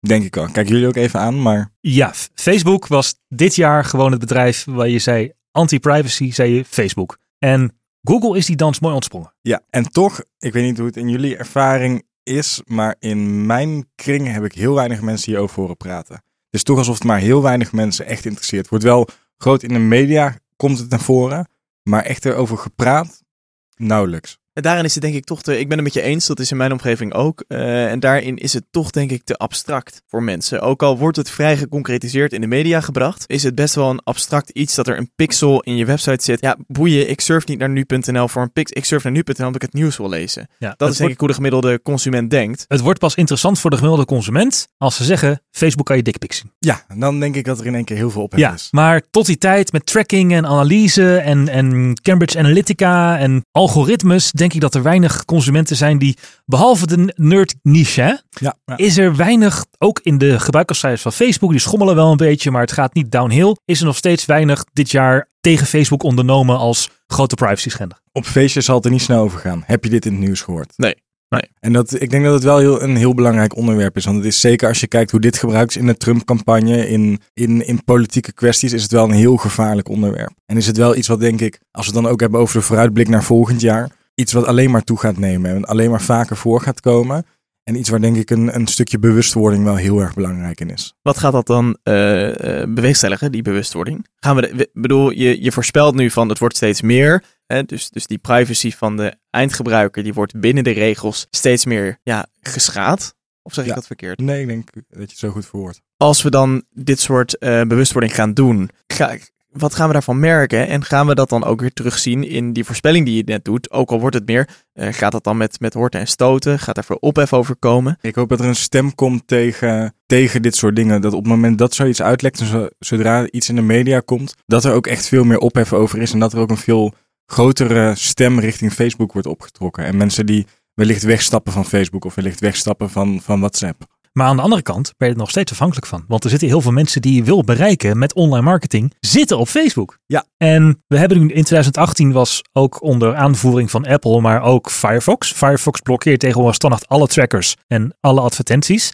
En ook Apple is nu bezig om third-party cookies helemaal te segmenteren, weg te gooien. En uh, dus dat je niet meer gevolgd kunt worden op internet. Maar volgend jaar komt Facebook met een antwoord daarop. Yes, wij zijn zelfs dit jaar al uitgenodigd door Facebook om mee te doen aan de first-party cookie in plaats van de third-party cookie. En om dat even in Jip en Janneke taal uit te leggen. Um, een third-party cookie is eigenlijk op het moment dat je op een website komt, dus stel je komt op de website van een van onze klanten, dan plaatst Facebook vanuit het, het Facebook domeinnaam facebook.com een cookie in jouw browser die dan weet dat je op de website van onze klant bent geweest en wat je daar hebt gedaan, hoeveel pagina's je bezocht hebt, hoe lang je op de website bent geweest, maar ook of je iets gekocht hebt of wellicht in je winkelwagen hebt gestopt, maar niet hebt afgerekend. En dat is inderdaad iets wat Safari gaat blokkeren en Firefox al blokkeert. En nu heeft Facebook gezegd, we gaan een techniek ontwikkelen waarin wij zorgen dat die cookie vanuit de domeinnaam van de website wordt geplaatst. Dan kan de browser het veel lastiger herkennen. En dan aan de achterkant wordt die data alsnog naar Facebook toegestuurd. Maar dat zie je dan niet meer aan, uh, aan de voorkant. Of dat kan de browser niet meer makkelijk detecteren. Dus de voorkant van de website vertelt tegen de backend van de, de achterkant van de website zeg maar wat jij gedaan hebt. En dat wordt alsnog via een andere verbinding zonder dat het uit jouw browser komt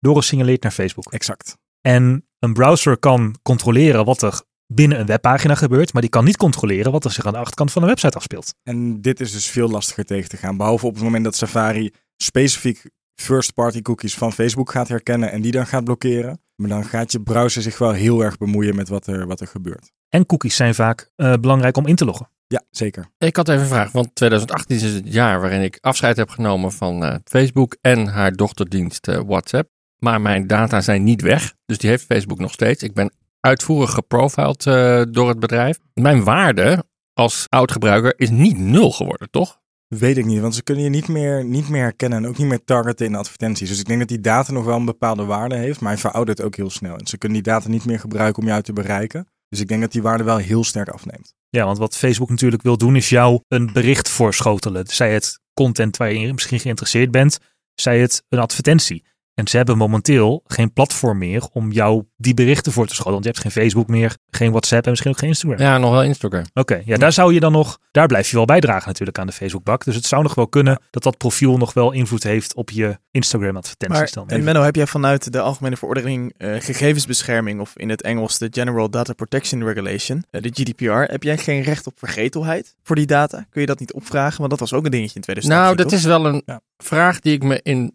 bredere zin stel is, hebben Europese burgers niet hogere rechten dan bijvoorbeeld uh, Amerikanen als het gaat om bescherming van hun, uh, hun privacy? En wat betekent dit uh, voor de toekomst van de privacy van ook Amerikaanse burgers? Dat wil zeggen, gaat de GDPR de privacy van de hele planeet omhoog uh, trekken? Of gaat het helemaal geen invloed hebben? Marijn, wat, werken, wat merken we nu van die, uh, van die AVG en de vragen van uh, Menno? Mm, ik denk relatief weinig. Je ziet wel, het zie je ook op, dat we het voor de uitzending even kort over op tweakers, dat veel meer websites nu om de cookie meldingen gaan vragen en dat er minder, minder third-party cookies geplaatst worden.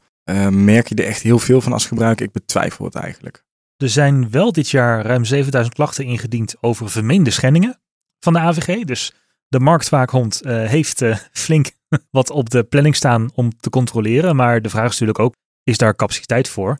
En wat je bij heel veel, om op mensen vraag te komen, heel veel Amerikaanse websites al wel ziet, is dat ze een speciale EU-versie hebben. En dat de Amerikanen gewoon lekker een uh, oude vertrouwde trackingbak krijgen, dat er een soort van light versie voor de EU is. Ben je dan als EU-burger ook minder interessant? Voor Amerikaanse websites was je dat eigenlijk sowieso al niet volgens mij. Nee, minder in elk geval. Ja, want ja. ja. op een Amerikaanse website zul jij geen, een Amerikaanse webshop zul je minder snel geneigd zijn tot bestellen dan een Europese webshop. Hm. Hoewel die, die afstand wel steeds kleiner wordt. Ja, ja in dat kader vraag ik me ook af wat Brexit gaat betekenen. Uh, ik zal even een praktisch voorbeeld uh, noemen. Ik heb een keer uh, om mijn favoriete podcast, sorry jongens, ATP te steunen een uh, sweater bij ze besteld. Nee hoor, ATP is cool.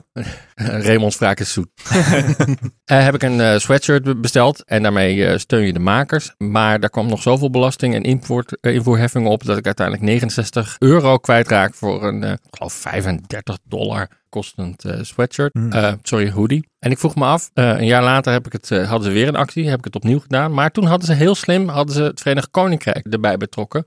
En ook een andere leverancier die dus ook in EU voet aan wal uh, had. En toen was opeens het, uh, het, shirt een stuk goedkoper. Ik vraag me af, gaat dit ons raken? Die, eh, het vertrek van de EU, E- of sorry, het vertrek van het Verenigd Koninkrijk uit Engeland. Want dat zou heel ernstig zijn als het echt gebeurt. Misschien gebeurt het niet. Gaan we daar wat van merken, e-commerce gezien? Ik denk in die, in die heffingskorting wel. Het ligt natuurlijk heel erg aan het akkoord wat er gaat komen. Maar je gaat het zeker, zeker merken. Het is toch een Ik soort denk- van gateway geweest, hè? Heel lang, de, eh, de UK. Ja, ik kan me nog herinneren dat ik mijn, over gateway gesproken, mijn allereerste computer voor mijn studie, dat was een gateway. De computer met de, de cow-spotted box. Ja, ja, ja. En daar moest geld worden overgemaakt naar eh Slough, Ierland. Hey, ehm, Raymond, jij noemde al even dat eh, vanuit die eh, GDPR, of zoals ze in Nederland heet, de AVG, best wat klachten bij de privacywaakhond terecht waren gekomen. Nou heeft Marijn in zijn ja, notities opgeschreven dat de overheid zelf eigenlijk nog helemaal niet klaar was voor die AVG. En daar hebben we het natuurlijk al eerder wat over gehad. Maar Marijn, Ja, nog steeds het eigenlijk hetzelfde als toen we tijdens zomerdiner spraken. Belastingdienst is er nog niet klaar voor. KVK heeft nog echt heel veel dingen te doen. Volgens mij is de KVK half overheid. Maar in elk geval wel, eh, wel vanuit daar zijn. Maar er is, en dat is een paar dagen geleden, is er wel als eerste actie ondernomen door de autoriteit persoonsgegevens. Nog geen boetes uitgedeeld, maar ze starten nu een onderzoek. Want bij de AVG moet je zelf, een van de eisen is dat je controle hebt over je data. Als je niet één knop mag indrukken en dan zeggen, ja, ik geef al mijn rechten af en je mag me allemaal tracken. Wat doen heel veel uitgevers, de uitgever waar ik voor werk maakt zich er ook schuldig aan, die trekken een cookie pop-up op en de enige optie is, ja, accepteer, door naar de site. Terwijl in de wet duidelijk staat dat je niet met een allesomvattende opt-in mag hebben. Dus de eerste actie die de autoriteit persoonsgegevens nu aan het doen is, is dus onderzoeken, niet beboeten, alleen onderzoeken of zo'n catch-all cookie pop-up, waarmee je één keer zegt ja, je mag alles laden, externe trackers, interne trackers, social media buttons, mag je allemaal laden, of dat genoeg is. Dus Ja, er is wel enigszins beweging. En al, je had liet het woord boetes al vallen. Als die er al gaan komen, zijn die niet weer van Amerikaanse proporties. Want Amerikaanse bedrijven sidderen voor de, eh, de autoriteiten. 4% van de omzet, van de jaaromzet. Maar toch, ja, ik te- de, hoe lang is die cookiewet er inmiddels al? Vier jaar, vijf jaar? Zeg maar de originele cookiewet, de voorloper van de AVG. Die is uit ging om- 2013 geloof ik. Ja, vijf jaar. En er is, er is nooit iets mee gedaan. En ik twijfel of het hier anders gaat worden. Zeker niet op grote schaal. Misschien een paar, paar grote bedrijven die als voorbeeld eruit worden gepakt. Maar ik twijfel heel sterk. Twijfel echt heel sterk. Maar dat was een Nederlandse wet. Of was het een Europese wet? Europese wet. Ja, dat was wel een? Europese wet. Ja. Over wetten gesproken, de sleepwet. Marijn, staat ook in jouw aantekeningen. Ja, ik, ik bedenk me nog wel één ding over die AVG's. Dat ik net aan het denken, want er was een paar dagen geleden een, een nieuwsartikel over de BKR. Met de BKR-registratie die je natuurlijk hebt. Dat je daar moet betalen om je gegevens in te zien. Dus je moet betalen om je BKR-registratie te zien. En dat mag natuurlijk eigenlijk niet met de AVG. En er- je mag het ook daarbuiten om vragen, maar het duurt maar liefst vier weken langer dan wanneer je ervoor betaalt. maar toen zei net de, de, de wet om vergeten te worden. Zou je, hoe zou het zitten met de BKR-registratie? Want dat zijn ook persoonsgegevens. Zou je daar recht of aanspraak kunnen maken op je recht om vergeten te Nee, Op een worden? gegeven moment word je automatisch vergeten, toch? Een x aantal jaar nadat je bijvoorbeeld je creditcard hebt afgelost en afgesloten. Als je het afgelost hebt wel hebt. Ja, en je Ja. hypotheek hebt Ja, afgesloten. maar zou je daar ook eerder Nee, vergeten mogen nee, nee, worden? nee. Er is eh, binnen de AVG ruimte. We hebben het daar in onze special ook wel eens over gehad. Om als er dingen bijvoorbeeld het maatschappelijke doel dienen. Zoals een BKR-registratie. Mensen beschermt tegen het aangaan van eh, heel veel eh, excessieve leningen. Want daarvoor is hij in het leven geroepen. Hè? Om te zorgen Mhm. dat je niet maar kan blijven, blijven, blijven lenen. Dan kan daar uitzonderingen op gemaakt worden. Dat geldt ook voor de toestemming die je moet geven voor het registreren van dit soort dingen. BKR is semi-overheid, toch? Ja, ook Ja, zo dat is is een een- half-half geval. Is dat een zelfstandige bestuursorganisatie? Of is dat iets wat door de beroepsgroep zelf... Ja, ik durf dat niet te zeggen, maar in principe denk ik dat het hard te maken is dat. Mocht je nou luisteren en hier een heel ander idee over hebben, laat het dan even weten via technex.nl. Dan zie je rechtsboven in een venster waar je eh, kan klikken, of een venster, een knop, waar je kan klikken op reageren op de uitzending. En Ja, dan stuur gewoon een e-mail naar eh, Maarten. Dat, dat mag ook, maar dan wel naar info.technex.nl. Juristen reageert. Juristen precies. reageert. Maar wat ik kan me voorstellen dat er nu mensen luisteren en die zeggen, oh jongens, nee, maar het zit zo. Het Ja, zit tegen zo. het schreeuwen. Ja, ja. Hey, maar ja, het is wel stil geweest na dat referendum Ja, over die die, mensen die dat denken, het is heel simpel, want die kunnen gewoon eh, din- eh, dinsdag 18 december om half elf s'avonds even twitteren. Ja, hey, maar want, want ik haalde hem net al even aan die sleepwet. En het is wel heel stil geweest na dat referendum hè, over die sleepwet. eh, Ja, ik moest eraan denken toen ik, die- toen ik de notities voor vanavond aan het maken was. Toen dacht ik aan de sleepwet terug en dacht ik, daar heb je echt helemaal geen fuck meer over gehoord sinds het referendum. Misschien een week daarna nog even, maar daarna is het helemaal stil geweest. En het is, toen is het die, die aangepaste, verminderde versie, wat eigenlijk niks voorstelde en nog steeds heel abstract was. Die is volgens mij toen doorgevoerd.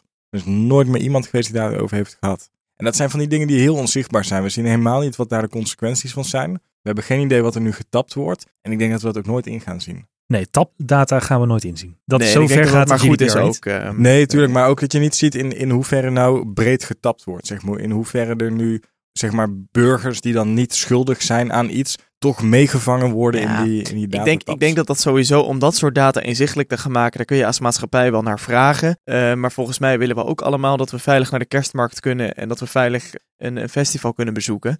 En dat is gewoon een, een, ja, in mijn ogen legitiem argument om mee te schermen. Om te zeggen van, wij gaan deze data niet volledig inzichtelijk maken. Nee, ik denk ook niet dat het belangrijk is dat het inzichtelijk is. Maar ik denk wel dat het, het is wel gevaarlijk zeg maar, dat er weer een hoop gebeurt zonder dat je er eigenlijk echt grip op hebt. Ja, het was toen heel hot en we hadden eh, referendumverslagen en specials. En de media raad er niet over uitgeschreven, maar het is echt wel als een kaars uitgegaan. Ja, misschien gaan we er later nog wat, eh, wat over horen. Ehm eh, Marijn, jij had nog een puntje en dat kentekencamera's op Strijp S. Jij komt uit Ja, Eindhoven. Dat is echt een, een irritatiepunt bij mij. Ik Stri- kan me daar- Strijp S is een, is een gebied in, eh, in ja, het, Eindhoven. het, het, oud Philips complex. Dat noemen ze vroeger het verboden dorp. Er zat Philips met al hun fabrieken en kantoorpanden. En er stond hek omheen. Daar kon je niet zomaar in. Tegenwoordig is het een beetje het creatieve centrum van Eindhoven. Er zitten alle jonge bedrijven en creatieve bedrijven. Die zitten daar gevestigd. En waar ik me echt dood aan irriteer. Iedere dag als ik met de auto naar... eh, of ik rij... Ik, ik fiets ook wel eens. Maar iedere keer als ik met de auto naar kantoor kom. En, En je rijdt- ene dag dat je op de fiets komt, daar gelaten. Ja, precies. Dan, dan ben ik heel rustig en gemoedelijk. Maar dan rij ik langs bordjes en daar staan teksten op als... Als jij dit leest, hebben wij jou gezien. Of teksten zoals smile, you're in the picture of dat soort dingen. En het is dus een, een particulier bedrijf in Eindhoven... die de parkeergelegenheid op Strijp S regelt. En die hebben daar dus kentekencamera's. En dat soort naargeestige teksten over dat je dus je kenteken geregistreerd wordt... En er staat er onder het bordje staat voor meer informatie wat we met je gegevens doen. Kijk op en dan de website slash eh, data of iets dergelijks. En dan ga je naar die pagina en die pagina die bestaat niet. Het is echt gewoon een één grote, één grote middelvinger. En in het, in het verlengde van wat ik net zei van die sleepet. Je hebt weer geen flauw idee wat er met je data gebeurt. Je kentekens worden geregistreerd. Waarvoor? Niemand weet het. Iemand op de marketingafdeling dacht, haha, dit is grappig. We gaan ze laten weten dat je De gefotografeerd wordt. marketingstagiair die, eh, die mocht erop lossen. Ja, en dan denk ik echt, dit, dit- dit kun je niet maken. Maar stel je voor dat Facebook dit met pushberichten zou doen. Ja, je data is net geraadpleegd door adverteerder X en Y. En eh, Z en A hebben net een campagne gekocht met een doelgroep waar jij invalt. Dat is Ja, eigenlijk hetzelfde, hè? Ik denk als je, als je push notificaties alleen al zou krijgen voor iedere website die je bezoekt, dat je dan een, een, een melding krijgt met je bent net gezien op deze website. We hebben net gezien dat je dit in je winkelwagen hebt gestopt, maar niet hebt afgerekend. Als je ziet dat je, dat je inderdaad getarget bent of geüpload wordt in het klantenbestand van een, van een, eh, van een webshop, denk dat je dan al helemaal zenuwachtig wordt. Dus dan is de parkeergarage eigenlijk maar een klein voorbeeldje van Ja, de- wat er eigenlijk de- op grote schaal gebeurt. Zeker waar. Maar, maar toch, iedere keer als ik die bordjes weer zie, dan... Nou ja, je wordt sowieso heel veel gescand onderweg hè, door de ANPR van de politie. Die, die is heel slecht, maar die heb ik even gemist. De ANPR, dat bestaat al heel lang, de Automatic Number Plate Recognition. Ah. Dat is een systeem van volgens mij meer dan een 3000 camera's of zo Ja, rondom de Nederlandse snelwegen. Die continu jouw nummerplaat scannen. En op het moment dat jij gezocht wordt, bijvoorbeeld, Mhm. dan, eh, en jij rijdt hier met je, Eindhoven, of, eh, met je, met je auto zo meteen van eh, Amsterdam naar Eindhoven, ehm, eh, dan word jij gezien door die camera's. En dan weten ze precies waar jij rijdt. Omdat jij gezocht wordt, komt er een hit binnen bij de politie en dan kunnen ze je gaan oppakken. Ik vind dat toch, tuurlijk is daar heel veel voor te zeggen voor het oppakken van criminelen. Maar ik vind ook wel, ik blijf het eng vinden hoeveel data er verzameld wordt. En wat er allemaal mee kan gebeuren. En ik denk dat, om weer terug te pakken op het eerste gespreksonderwerp Facebook met Cambridge Analytica. Ik denk dat er toch een voorbeeld van is van hoe het ook echt misbruikt kan worden. Gaan we Facebook in 2019 verlaten om deze data? We hadden al, we hadden al geconcludeerd dat mensen gewoon geen fuck geven, hè? Ik denk het niet. Ik denk dat dit nog Ja. heel, heel lang door kan gaan. En ik denk dat het misschien een keer echt fout moet gaan. Op hele grote schaal voordat daar echt iets in gaat veranderen. Misschien nog wel een aardige 2019 eh, voorspelling. Ik noem mezelf altijd privacy-kenner en ik gebruik ook zo min mogelijk WhatsApp en Google, net als jij. Ehm, en ik heb daarvoor, gisteravond kwam het idee op, om me samen met een vriend op te gaan geven voor Hunted. Heb je dat gedaan, ja? Ja. Ik vind dat echt een tof programma. Hunted is een programma op de NPO eh, waarbij een aantal eh, mensen uit de recherchewereld voor de camera's hun eh, handen hebben eh, in, ineen hebben geslagen en een groep eh, gewone Nederlanders gaan proberen op te sporen. Dus je krijgt een berichtje en dan moet je drie weken uit handen blijven van de rechercheurs bij Hunted. En die zetten alles in en die mogen alles inzetten wat de Nederlandse opsporing rijk is. Hmm. Ehm, en dat gaat dan ook helemaal nou- via de officiële wegen. Dat met een bijdrage van de NPO, dat is dus belastinggeld, wordt een andere overheidsdienst betaald om mee te werken aan een televisieprogramma van diezelfde NPO. Nou, volgens mij is het, eh, zijn het mensen die eh, ja, Ze zeggen zelf in de leader eh, dat het uit de top van de recherchewereld is, eh, maar die, die dat erbij doen voor het tv-programma. Maar klopt, daar gaat jouw belastinggeld ook heen. Ja, ja. maar het Toch is een leuk daar- programma, het is leuk Ja, vermaak. klinkt wel leuk. Klinkt wel origineel. Dus, En-. Dus En je mag raden van welke omroep het is. Nou, ik zat eerst te denken, wel, welk mediahuis he- zit hierachter? Want dit is Welke omroep is dit het? is natuurlijk. VPRO volgens mij. Dit is Afrotros? eh, Afrotros. Afrotros. Ja. Ik wil Ehm, heel even een zijstapje maken. Als het dan over belastinggeld gaat. Wie van jullie heeft het ProRail-artikel van afgelopen week gelezen? Nee, ik heb het gemist. Nee? Oké, dat was echt een... Ik zal hem heel kort houden. Maar echt een fantastisch verhaal over een... een NS had 1200 percelen grond langs de sporen. En dat waren soms Oh ja, stukjes. er wel iets je hebt over wel, ja, dit is Ja. soms stukjes van maar 30 centimeter breed. Echt hele kleine stukjes grond. En die was een paar keer aangeboden. En ProRail had steeds gezegd: nee, die hebben we niet nodig. Nee, die hebben we niet nodig. En toen heeft de NS het uiteindelijk met een aanbesteding hebben ze, dat, hebben ze het eh, op de markt gezet. En toen hebben ze het gratis weggegeven aan een Rotterdamse zakenman. Met 8 miljoen erbij voor het onderhoud van de komende paar jaar. Dus die zakenman heeft 1200 percelen gekregen en 8 miljoen om het te onderhouden. Maar ProRail ging vervolgens de hele tijd bouwen op zijn grond en werkzaamheden uitvoeren op zijn grond.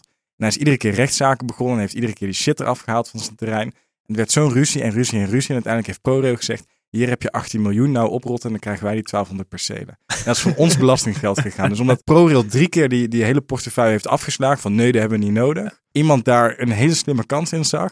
is uiteindelijk 18 miljoen euro van ons belastinggeld Nou, besteed aan 1200 kleine percelen. die kan, die kan in het rijtje van de Vira in de snelle trein naar Groot-Brittannië. Ja, Hey. mooi. Sorry, even een zijsportje. Over, eh, over 2000, zijspoortje, leuk.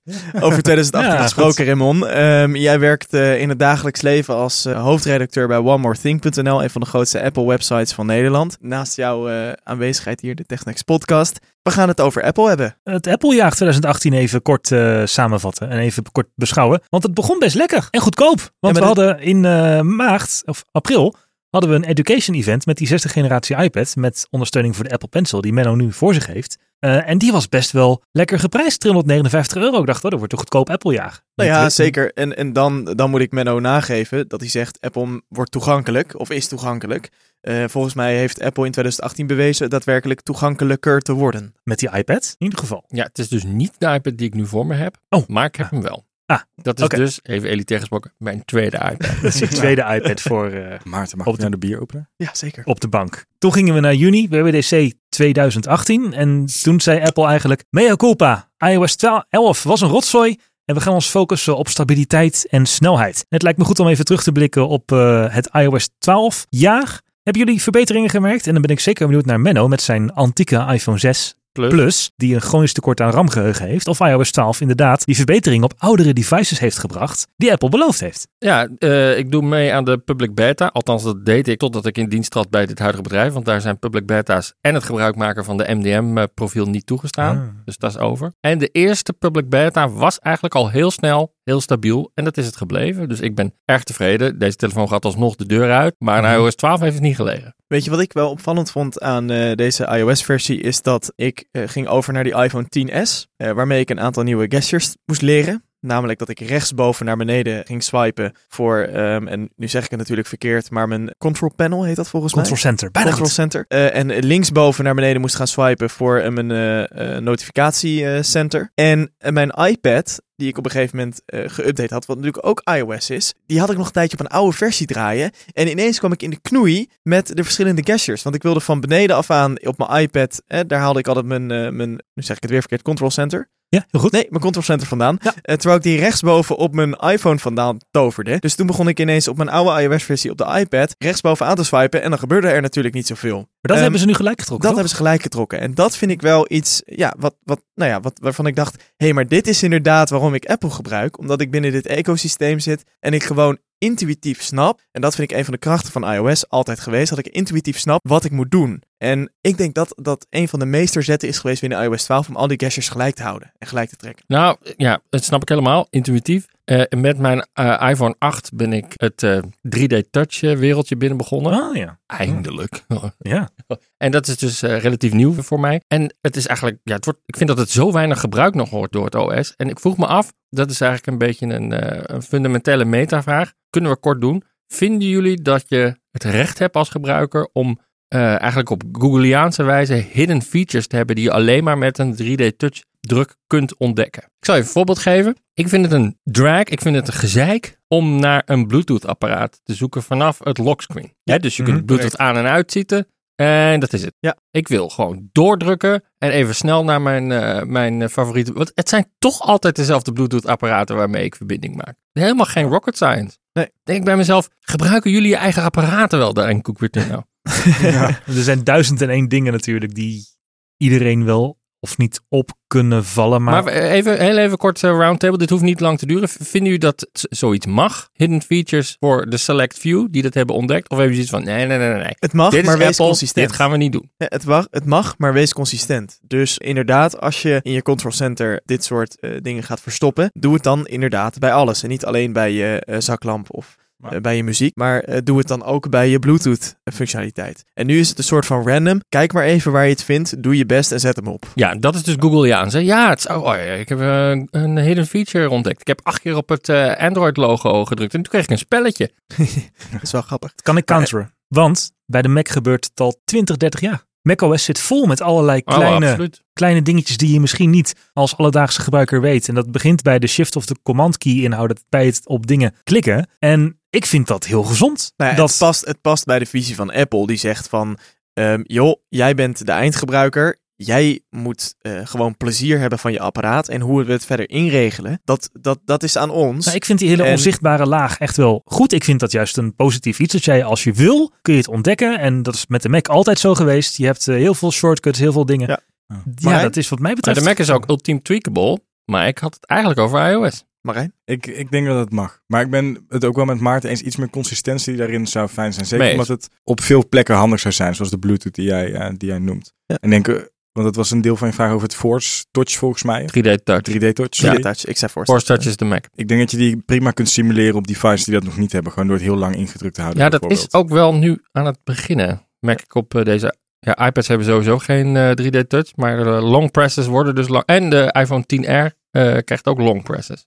Ja, de 10R is de reden dat ze dat in die software hebben gedaan, Ja. inderdaad. Hey, dus 2018 bracht ons ehm, iOS 12, maar bracht ons dus ook de 10S, 10R en de 10S Max, de Trump Edition en de Watch Series 4, die ik toevallig net vandaag heb opgehaald bij de Apple Store. Ja, we hadden het al even over de Apple Watch Series 4. Die voelt nu eindelijk wel een beetje af. Ja, ja dat was mijn argument eerder al. Hè. Ik ben eh, van begin af aan eh, sceptisch geweest ten aanzien van de Apple Watch. En nu bij de Watch 4 heb ik het idee dat er eindelijk een compleet product ligt. En ik moet nog een keer al mijn tegenargumenten die ik eh, in de afgelopen jaren TechSnacks heb genoemd bij deze Apple Watch, ga ik nog een keer terugluisteren. En ik beloof jullie, beste luisteraars, als jullie nu nog luisteren, kudos voor dat trouwens. Ja. Hoe lang zijn we bezig? Best wel een tijd. Maar eh, ik beloof, beste luisteraars, dat ik daar nog een keer uitgebreid op terug zal komen. Eh, maar de Watch 4, de Watch Series 4 moet ik zeggen, die is echt af. En jij hebt hem al een tijdje in gebruik, Raymond. Ik heb hem dus sinds vandaag. Dus ik kan er nog weinig zinnigs over zeggen. Behalve dat mijn eerste indruk is dat ik, ja, want ik kom van een Series 0, eh, die ik van jou heb overgenomen ooit om het Ja. uit te proberen. Ehm, maar dat het qua functionaliteit zoveel meer is. Ik kan eindelijk de smartwatch functies gebruiken zoals ze horen. Omdat er snelheid in zit, er zit rekenkracht in. En mijn watch begrijpt nu een beetje van wat ik ermee wil gaan doen. Ja, ook qua software is het inderdaad een belangrijk eh, deel geweest. Eerst was de Apple Watch van alles. En nu hebben ze hem ook qua software wel zover dat het een complete set features is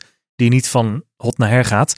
Het, misschien wel het belangrijkste, twee belangrijkste topics van Apple dit jaar is één dat men weer om de Mac geeft, heb ik het idee. Want er is ineens een nieuwe MacBook Air, er is eens een nieuwe MacBook Mini. Maar En ik, ik- onderbreek je even, want ik vroeg je wat jij van de Apple Oh. Watch vindt. Nee, ik dacht we gaan even een beetje door. Ja, ik wil heel even, joh, straks alle, knip je alle eus van mij eruit en Oh, we hele gestroomlijnd.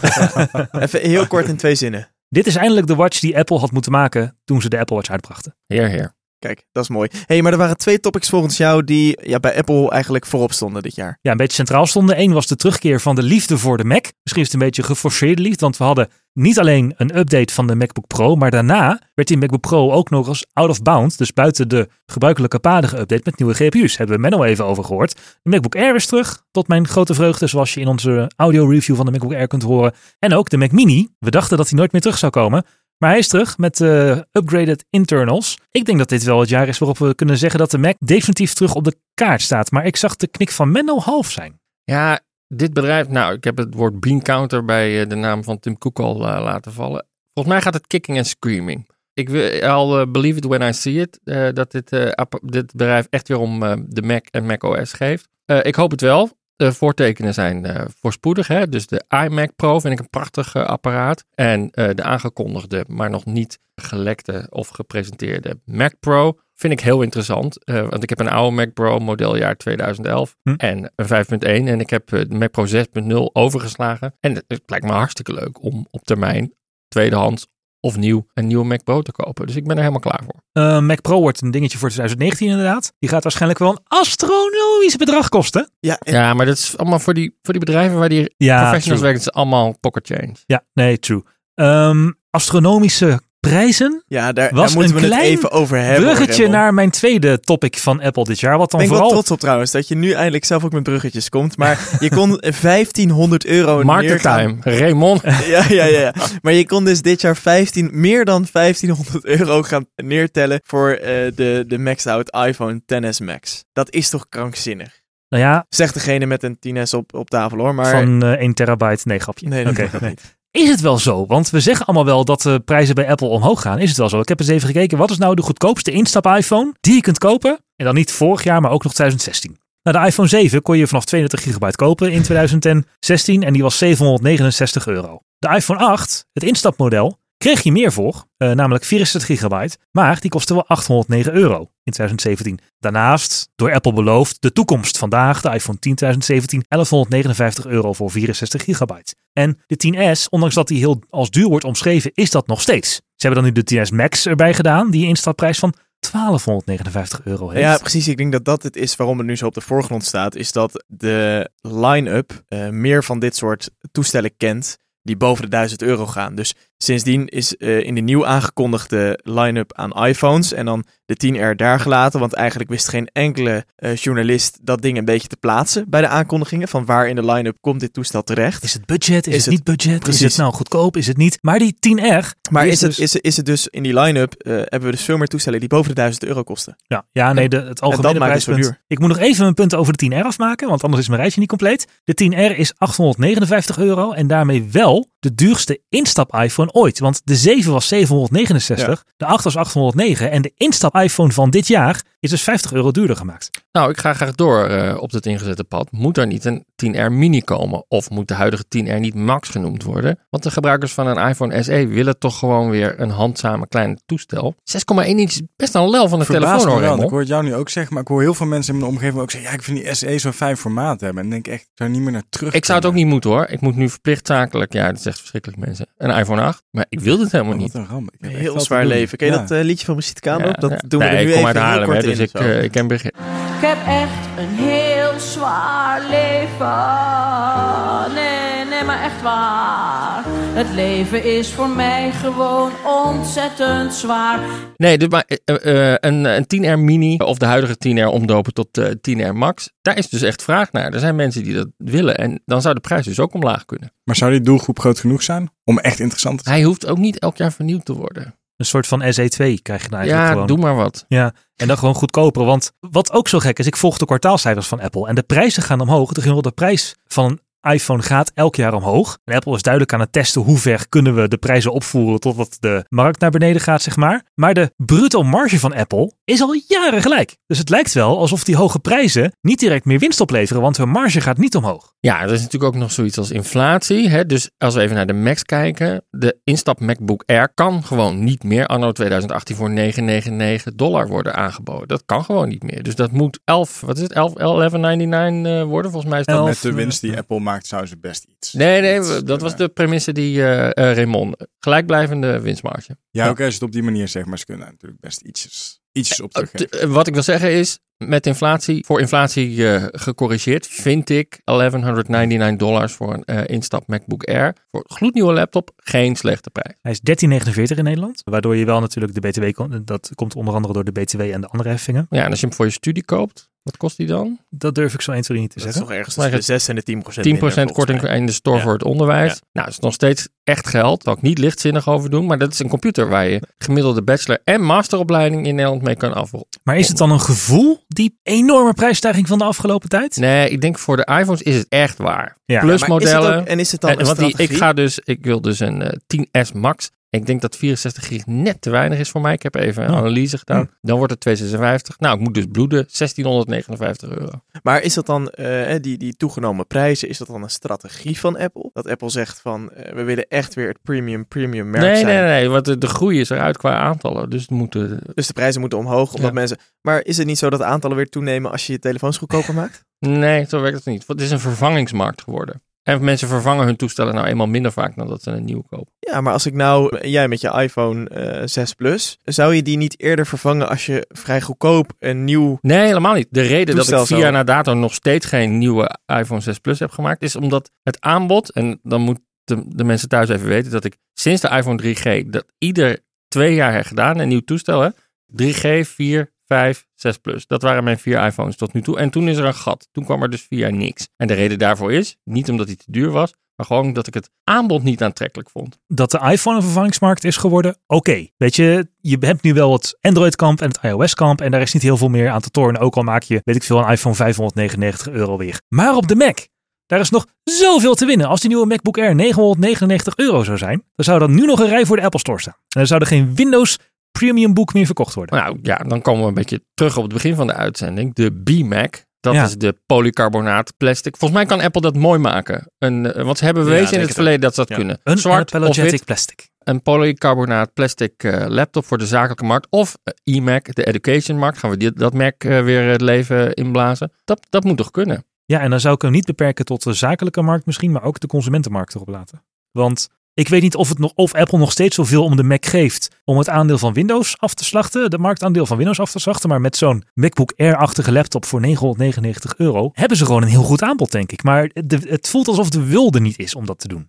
Hey Raymond, wat gaat het meest verrassende product zijn volgend jaar van Apple? Ik bedoel, we weten natuurlijk dat er een nieuwe iPhone komt. We weten dat er een aantal Macs vernieuwd zullen worden. Dat, dat, is niet zo heel spannend. Wat is echt eh, het meest baanbrekende van Apple voor volgend jaar? Apple gaat volgend jaar niet met een baanbrekend product komen. Nee? Nee, ze gaan eh, itereren, ze gaan vernieuwen, ze gaan de Mac meer aandacht geven, maar een baanbrekend product? Ik denk het niet. Maar op even, we hebben software- net zelf gezegd dat de nieuwe Mac Pro volgend jaar, dus 2019, gaat komen. Wordt die niet bankbrekend? Dat is een product wat al eerder heeft bestaan. Ja, precies. Ja, maar hij heeft En dat is en op softwaregebied? Hij moet gerevolutionaliseerd worden om weer een vonk doen over te slaan bij de liefhebbers, bij de Ja. creatievelingen. Dus eh, modulair of een slim ontwerp. Maar dat is allemaal niet heel nieuw, want hij was al modulair. En ja, ik vraag me af in hoeverre je een computer waar insteekkaarten in moeten, weet je wel, echt baanbrekend kunt maken. Nou, misschien heb je een beetje gelijk. De liefhebbers van de Mac Pro en dan eh, de cheese grader generatie waar ik Mhm. zelf bij hoor, willen helemaal geen baanbrekend nieuw ontwerp. Nee. Die willen gewoon PCI Express insteekkaarten en Ja, Apple die willen eh, gewoon een mooie tower. normaal. ja, die willen gewoon een mooie tower. Dat zou ik niet baanbrekend kunnen noemen. En als ik nu naar de huidige line-up van Apple kijk, denk dat op het gebied van hardware lopen zij ook met de iPad Pro, die zo belachelijk krachtig is, zo ver voor.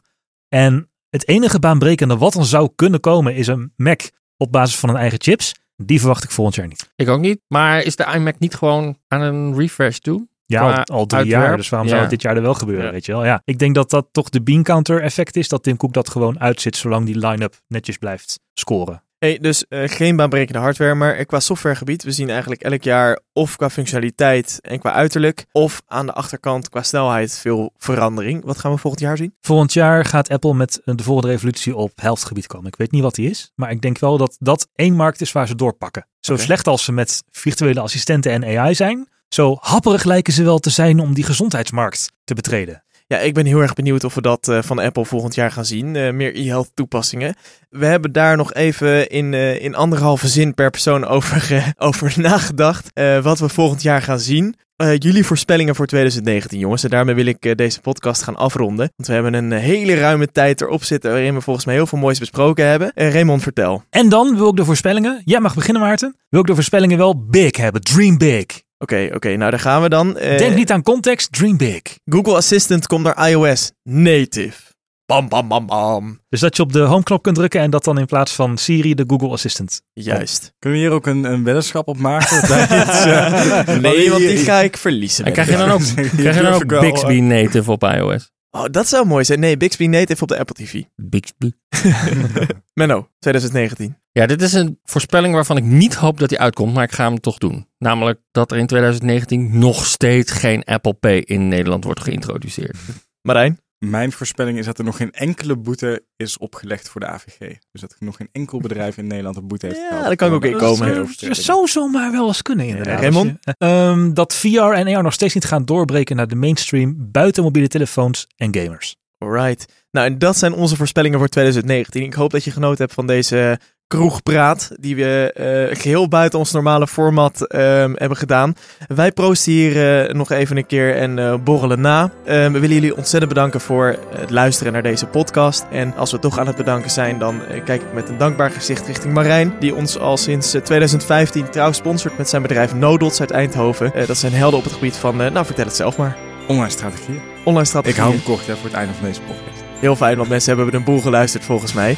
Ehm, wil je nog je ei kwijt over deze uitzending? Ik kan maar zomaar eh, indenken dat je ergens hebt zitten schreeuwen. Dan kun je naar www.techsnacks.nl gaan en dan zie je rechtsboven een knop reageer op de uitzending. En ook bedankt aan Menno voor het aanschuiven tijdens deze Technics Kerstborrel. En aan de luisteraars natuurlijk, prachtige feestdagen. En een goed 2019.